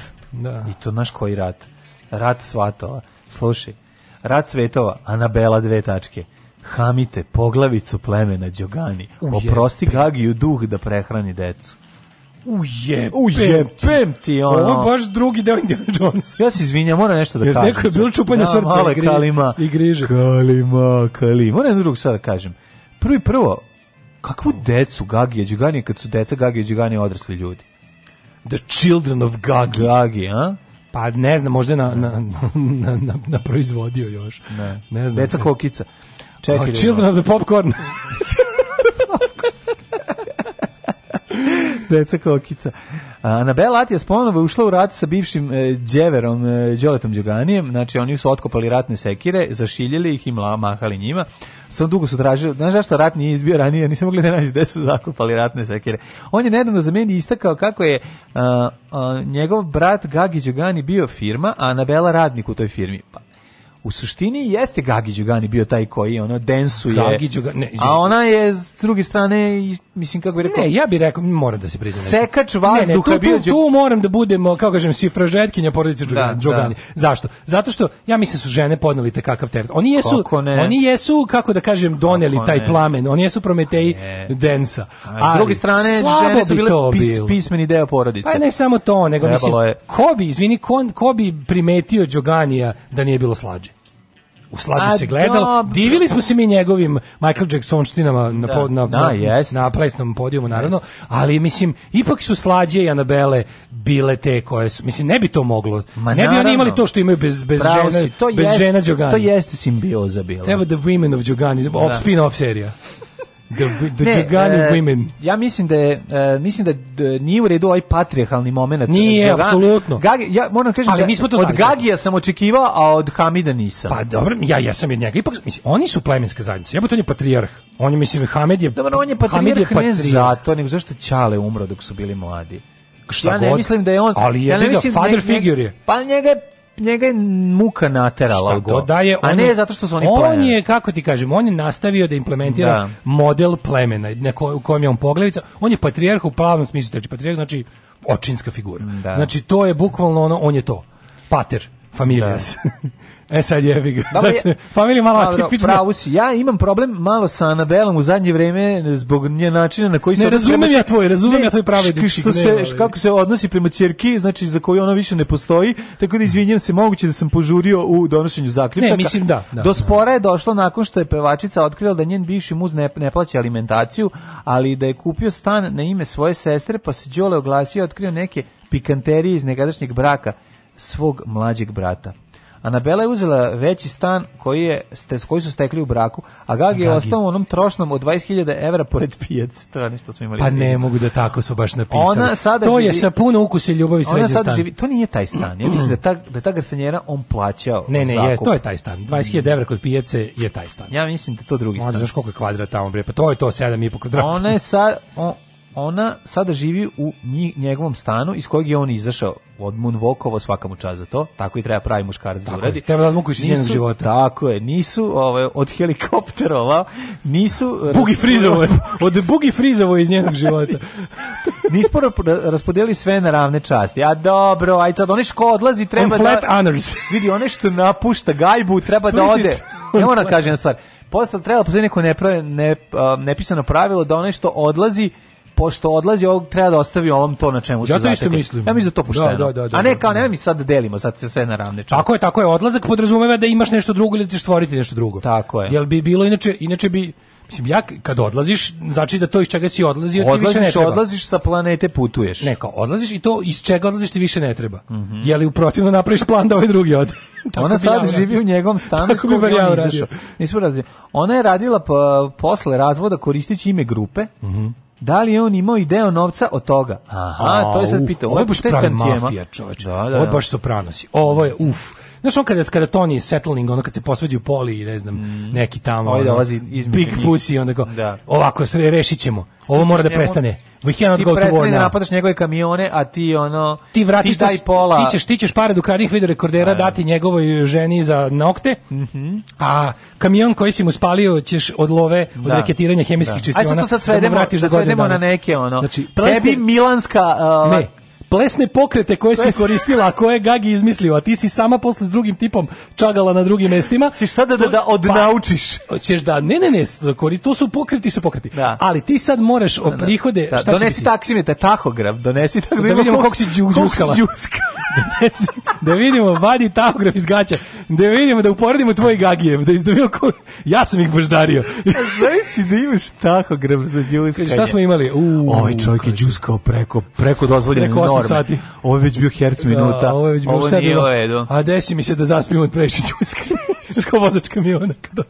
Pređusko sam venac, jebote. Ne stavio. Stavio. Ciglu. U jednom Stavio ciglu i šta je bilo? da, U jednom, trenutku sam primetio da đuskam kr- pored puta. Pored puta. Da, sam, da sam izašao iz diskoteke.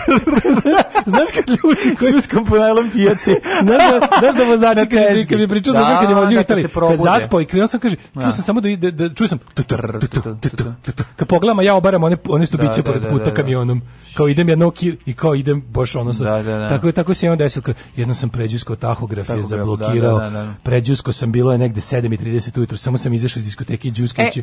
Đuskić otišao da autobus. čujemo šta kaže, ovaj, do, tek ulazak konduktera i traženje karte ga je probudilo od ovog đuskanja. Šta je? Šta je ovo, rekao, Wow. kartu? Mora da sam pređusko. Da, da, poštovani, poslušaj smiri njen se. odgovor, poštovani poglavice, pošto vidim da se interesuješ za alimentaciju za moju decu, čisto da utvrdimo neke činjenice pre nego što krenemo u dalju priču.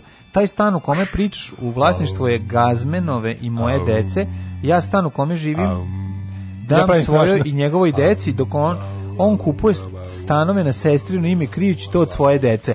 Aha, ona hoće da kaže da The ovaj other side of the story. Klasična ja cover up operacija. Decu podizala dok se on provodio i drogirao. To je isto velika istina. Jeste, to je velika To je istina. velika istina. Da, Istina da, je da. dok je on Jurio pevačica, Zmaja. ti se drogiraš, ti se pevačica je potom objasnila i kako je ovaj grupa Funky G funkcionisala. Što se grupe tiče, evo mene zanima. E, to. Kako je radila Kako je grupa radila Funky franšiza G? Funky G? Kako je to kako je počinje? Kako to počinje? Ja sam pevala dok je on bio po afterima i ako se interesuješ da li je sve podeljeno na ravne časti, moguće je reći da je grupa mogla da se deli ako je firma, kako kažeš. Ako si Su ti dobar stric. račune? Da li su oni izdavali fiskalne Da, račune? Imali ste šest helikoptera, osam upijača. Šta smo imali? Šta smo imali Znači imali ovde? smo Gagija na afteru, to je fiksno afteru 500, 500, da. maraka. Kojih 500 maraka? 500, ma ne, stvari to je već, ne, to je, to je fiksno 5000 dinara. Da. To je fiksno 50 evra. Šta smo imali? Anabela je ovde bila na Šest bini... puta namignula. Šest puta na, imali deset smo, da. puta mrdnula kukovima. Jeste. Da, ovaj, a Imali smo jedno je- izmamljivanje vinjaka. Tako je. To vam, dobri ste. Lepo se odrekneš gazmenovog duga prema tebi i ima da isplati prehranjivanje svoje dece. Opa, znači, čekaj, čekaj, je li moguće da Gagi uzima lovu za sve pokrete što ih je naučio? Da je, zapravo, da, da je duga. zapravo svaki tahograf džuskatorski ide kod njega na, na kontrolu. Ide kod Hameda bre na kontrolu. A, u glavnu kasu. Možemo samo da se uzdamo da će da će Đole doneti pravu odluku. Ja stvarno mislim, Mislim, moramo, na- na- se, moramo se uzdati da će ipak njegov, da će njegov, da kažem, taj patrijar, pa, duh patrijarha, da će jednostavno biti Da. Na visini zadatka da će doneti pravednu odluku, a da Mhm. neće suditi po babu, a pogotovo ne po striču. Pozvali smo Gagi, ali on se nije javljao dok je Đoleto broj mobilna bio nedostupan. E, znači, ja ne ima, ima još drugi- ovaj jet seta i van toga. Uh, Bekvalčeva biznismenka izdaje svoju vilu. To je Mhm. uh, Fort Chennai. Uh, dogovara poslove i rentiranje svog prele- prelelepnog imanja u Čeneju sa čovekom koji će biti zadužen. Znači Mhm. Kreće to? Pa Nataša Bekvalac. A, da, da, da, Izdaje da, da. kuću svoju. Izgleda onaj koncert u Renja ostavio u dugovima. Ford Chennai. Fort Chennai, uh, Mhm. Nataša Bekvalac, radikalna feminiskinja Srbije, Mhm. pevačica sada s ćerkicama živi u devojačkom stanu koji je izdavala. A Ona je znači, izdavala, pa Fort živjela Chennai kući, se sad je skontala, izdaje, da. izdajemo veliku kuću, a vratili smo E, se u stan. Jaran Tomašević, Ivan Bosičić slave godišnjicu braka na moru. To je lepo. Katarina Grujić uživa u Crnoj Gori. Mhm. Milica birala psa sa fanovima. Da vidi. Bravo. Kako, Milica Zadorić kupila sebi psa, ali, je- ali je, pošto se Kojeg pas je kupuje kao pat, pa kupila je evo ovako. Ona je iskoristila... Samo je da ne mora da ga hrani. Neki što sam jede. Jel da rasni pas? kući. Je svog ljubimca, pa ne znam. Zašto da ne treba Pa se ne znam, ne treba odmah da da Ne kažemo. bi da koje, možda mi Milica ispala facija da je birala iz uh, azila, lo rasno. Meni izgleda rasno. Da jeste, a možda i nije. A šta, Bišon? Ne, šta je? A? A nije Bišon, šta je? A, Pižon. Pa meni izgleda kao neki gađa, ne znam. Pa a? mogu bi biti gađa, mogu bi biti onaj popularni. Što je najbolje, što može biti gađa iz azila, može biti neki od 5000 evra. onda, Da, to je da, mali da, problem da, da. mali- Ako je gađa iz azila, pozdravljamo. Ako je 5000 evra, pet, platila si ga 5000 evra više nego što si trebala. Kozu. Da. Ali dobro. Ovaj, em, Ne kozu, nego hodam, psa. Hodam naga većinu vremena i divim se nesavršenostima, kaže Elena. Mhm. Ko nam sad kao Elena zove? Karaman Karić. Čekaj, to je ovo što je... Ne, nije, da, po- pomešao sam je sa Miš- Pišelinom Pišek. Ja Pišelina Pišek bila sa nekim, Pišelina- što je ona bila iste. Su Karićka i Pišelina bila sa istim momkom Ne, ne, piše, ne piše se udala za istoričar umetnosti. koje je Roko, e, kako se preziva, Da, Roko da, Žbalj da. izbacio iz svoje braniteljske vile. Aj zdravo. Tekst čitali Mladin Urdarević i Daško Milinović. Ton majstor Richard Merc. Realizacija Slavko Tatić. Urednik programa za mlade Donka Špiček. Alarms svakog radnog jutra od 7 do 10.